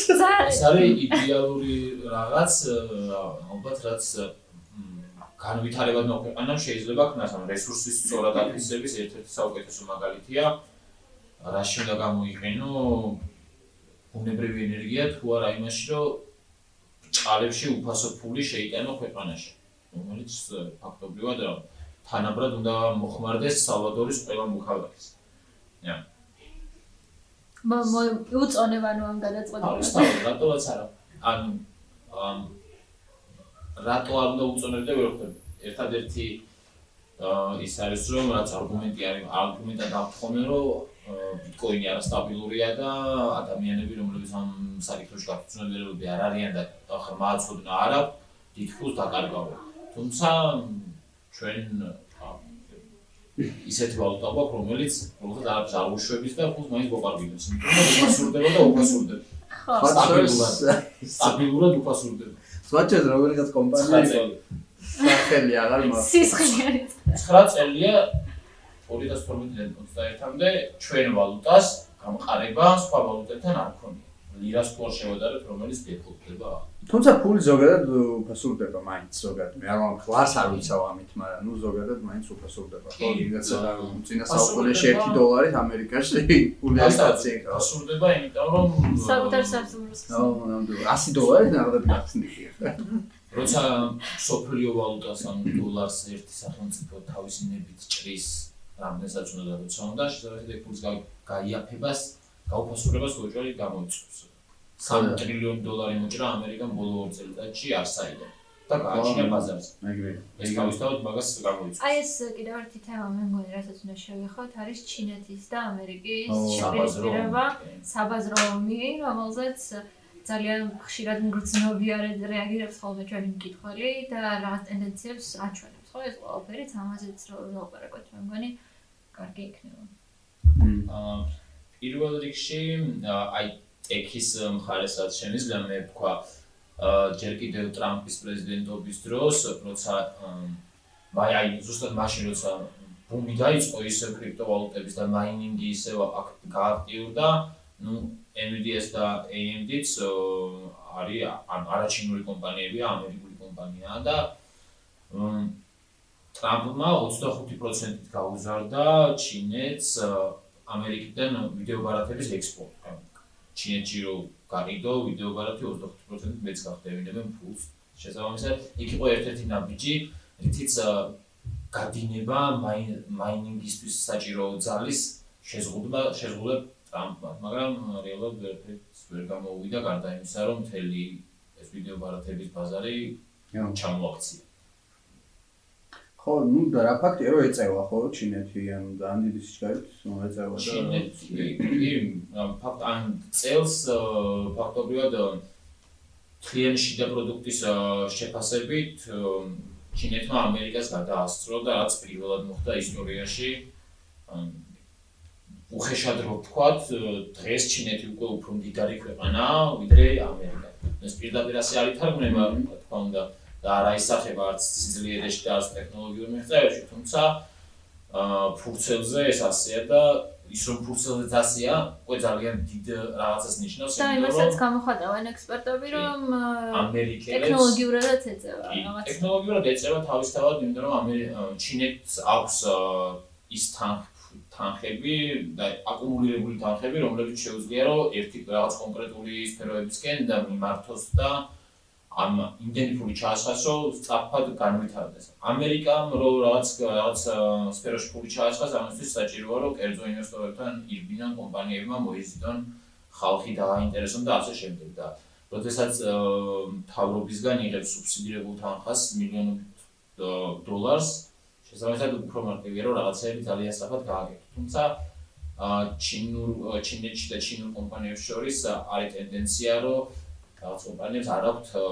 სათანადო კონკურენცია ერთმანეთში, რაც თავიდან სწრაფგანვითარებას ნიშნავს, თუმცა შემდგომ კრეატიულის კრეატივის ნაკლებობას საოცრად შეეჭეხებიან ოდესმე. მოც ნახოთ ნახოთ რა შეიძლება საინტერესო პროცესია მაგ და ნუ ფაქტია და ამდენი კონკურენცია არის. რაღაცებიც ქვეყნებზე გავახსენ და აა აა დათო რა ხუმრობდი ხოლმე რა სამ მანდარბე ჩრდილოეთ კორეამ უკვე დასვა მზეზე ხოლმე და მე მგონი მაგაზე არ გვისაუბრია ნინო მზეზე ისტორიული მისიის შესახებ პარკერ სოლოტრობის შესახებ რომელიც რომელიც გაიარა მზის გვირგვინში ხო? კი, ეგ ძალიან მნიშვნელოვანი მოვლენა იყო. აი ჯეიმს ვებთან ერთად ეგეც აი წლის ბოლოს მართლა დააგვირგვინა მაგანაც, იმიტომ რომ აა ნასას ზონდმა, მზის ზონდმა პარკერმა ფაქტობრივად გაიარა, მართლა შეეხო როგორც ნასამ თქვა. აა მზის ზედა ატმოსფეროს, რომელსაც გვირგვინს უწოდებთ. და ეს იყო ძალიან მნიშვნელოვანი მოვლენა. თან აა გაიარა ერთია, მაგრამ არაფერი დაემართა, ხო? არ დადნა და თუ გავითვალისწინებთ იმას, რომ ამ გვირგვინში არის 10 ექსტიტუტი მილიონობით ის არის. ხო. მილიონ ცელსიუს გრადუსზე მეტი ტემპერატურაა და ეს გადაურჩა ამ ყველაფერს, რაზეც შენ გიწერია ძალიან კარგი სტატია. მადლობა. რატომაც მოახერხა. შეგიძლიათ წაიკითხოთ, რატომ არ დადნა ნასას. კი, წაიკითხოთ, იმიტომ ძალიან კი, ძალიან საინტერესო და მომწურავად უწერია მართლა. ну ეს ეს მომენტი როცა თავი რედაქტორი ხებას იღებს მმ იქ იყო თერმული სისტემა, მაგრამ მარტო აკეც არიან ბევრი სხვა ფაქტორი იყო, რომელიც კარგად არის ახსნილი ხატია სტატიაში და მართლა გიჩვენეთ რომ წაიკითხოთ. ძალიან მნიშვნელოვანი იყო ეს მოვლენა და ასევე მინდა ახსენო არ გამოგჩეს ჩვენი მეზობელი პლანეტა მარსი, რომელიც ამ წელს მართლა ვარსკვლავი იყო ასტრონომიაში, იმიტომ რომ ყველ სამი მისია განხორციელდა, განხორციელდა უბრალოდ სამმა მისიამ ჩააღწია იქამდე დანიშნულებით ადგილამდე. ეს იყო გაერთიანებული არაბთა გაერთიანების გა ეს იყო არაბთა გაერთიანებული საამიროების ზონდი, მას მოყვა ჩინეთის აპარატი და ბოლოს იყო NASA-ს მარსმავალი, რომელსაც გაყვა ასევე მ, შვეულმფრენი, რომელმაც რომელიც გახდა პირველი ესეთი აპარატი, რომელიც მარსის საზზე გაიფრინა და იყო იყო ძალიან კარგი მოვლენა და სამახსოვრო და გაიფრინა არაერთხელ, ანუ მრავალ ესეთ ატმოსფეროში თან ანუ ხო და დაამყარა ბევრი რეკორდი სიჩქარისაც, მანძილისაც და სიმაღლისაც. აა ეგ ძალიან მნიშვნელოვანი იყო. ასევე ახალმა მარსმავალმა მარს ახალ მარსმავალზე დამონტაჟებულია მიკროფონები და წელს იყო პირველი შემთხვევა ისტორიაში, როცა მარსისგან მარსის ხმა გავიგონეთ. და ეს ხმა იყო როგორც მარსის მარსზე არსებული ერთგვარი ქარის ხმა იყო. ასევე თვითონ მარსმავლის ა, ბორბლების სიარულის ხმა როგორ ხრეტს იქ ქვას აი მაგის ხმა იყო ლაზერით. და ძალიან საინტერესო იყო ეგ ქვას რაც შეეხება მოვიპოვეთ სამი ნიმუში სამი ქვის ნიმუში მარსზე.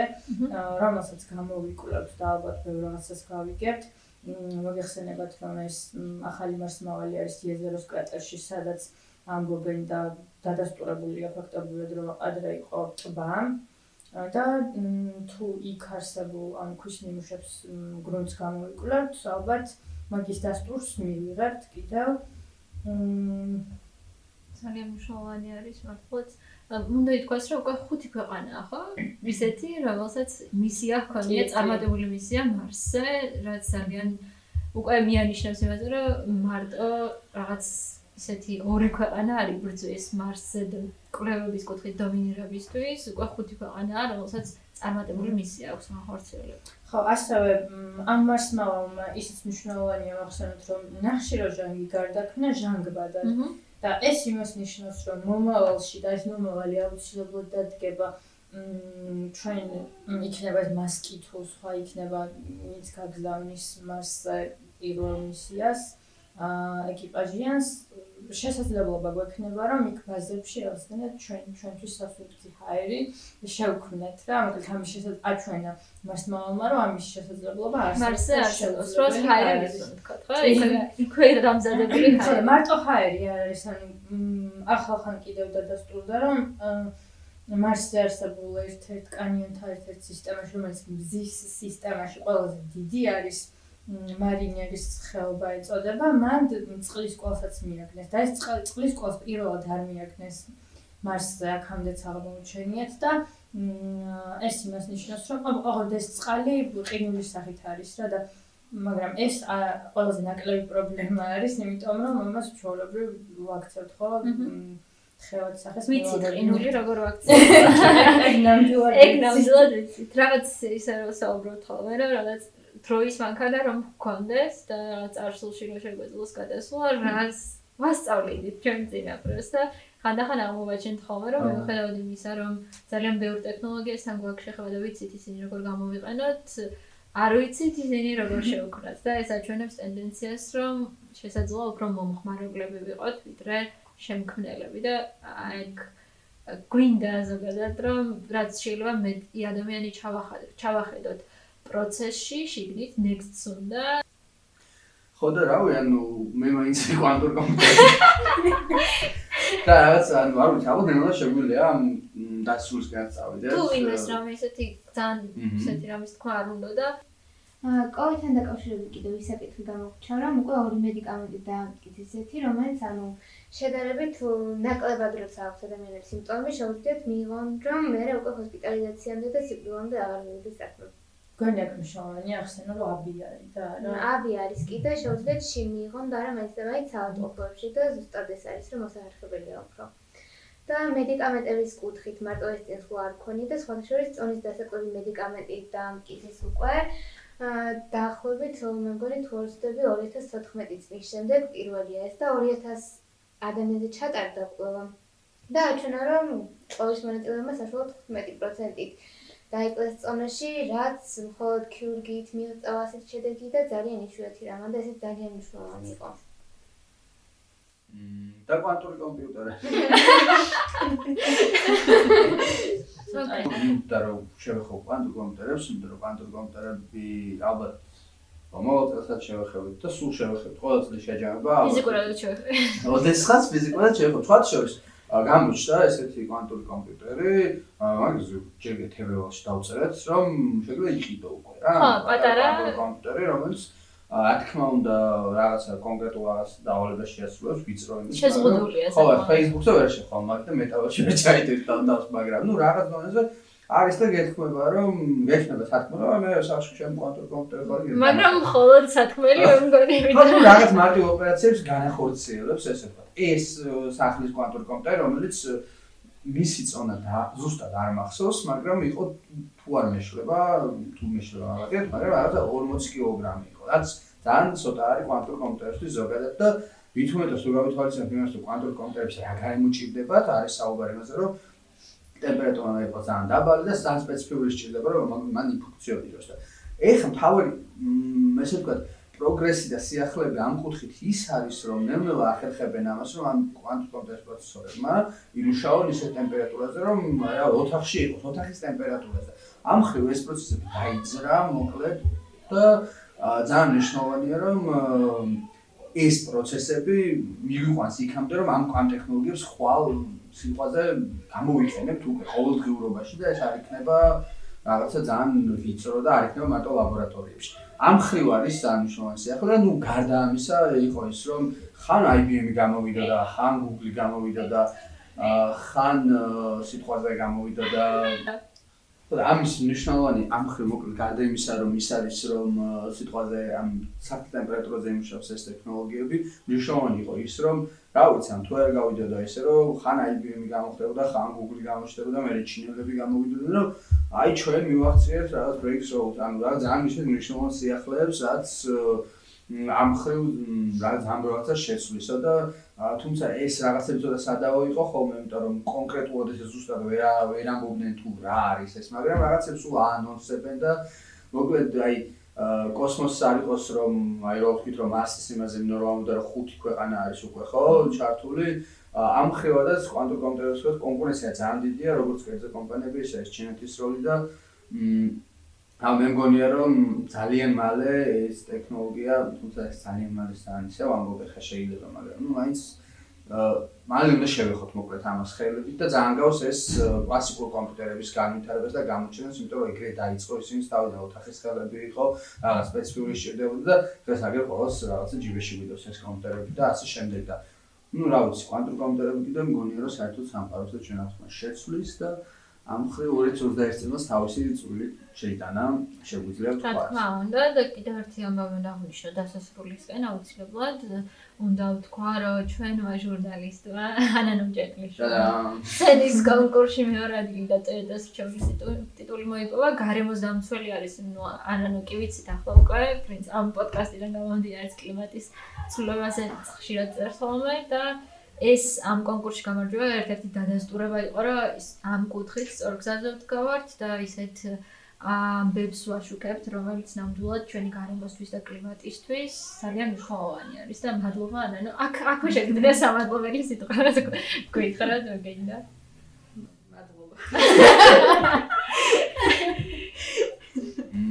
ხო და არ ვიცი ალბათ შეგვიძლია უკვე დასრულისკენ წავიდეთ. ერთი ამომიტივდით ახლა ისე თავში ის რომ მეხუთე ძალას ეძებენ ფიზიკოსები ესე ვთქვათ და ეს ნიშნები იპოვეს. ნიშნები იპოვეს და ეს ნიშნები მე რაღაცაზე მეტყვალებს და თუ ესე აღმოჩნდა ამას თუ ეს დადასტურდა მოკლედ რომ არსებობს მეხუთე ძალა და ამათ მოაჩინეს ესე ვთქვათ ფიზიკოსებმა ну ეს ამ რაღაცა შეცვლის არ მარტო ფიზიკაში საერთოდ ყველაფერს შეცვლის როგორ აღუქოთ სამყაროს იმას შეცვლის და თული ახლა იმაზე ვილაპარაკოთ თუ რა შეიძლება კონკრეტულად რა ვიცი სოფლი მოწინავ ფიზიკოსებმა შეიძლება ერთმან ესე კონკრეტულად მაგრამ ძალიან ბევრი რაღაც შეიძლება და ან ის შეიძლება და თვალები სხვანაირად შევხედავთ სამყაროს კიდე უფრო დამატებითი რაღაც გაგვიშდება რითაც უფრო კარგად და კომპლექსურად ავუქავთ სამყაროს და კიდევ ერთი ძალა რითიც სამყაროს მოქმედების პრინციპებს ავხსნით, ხო? და შესაძლოა შევწყვეტ. კი, კი, და ნუ ხვდებით ალბათ ეს რამდენი მნიშვნელოვანია.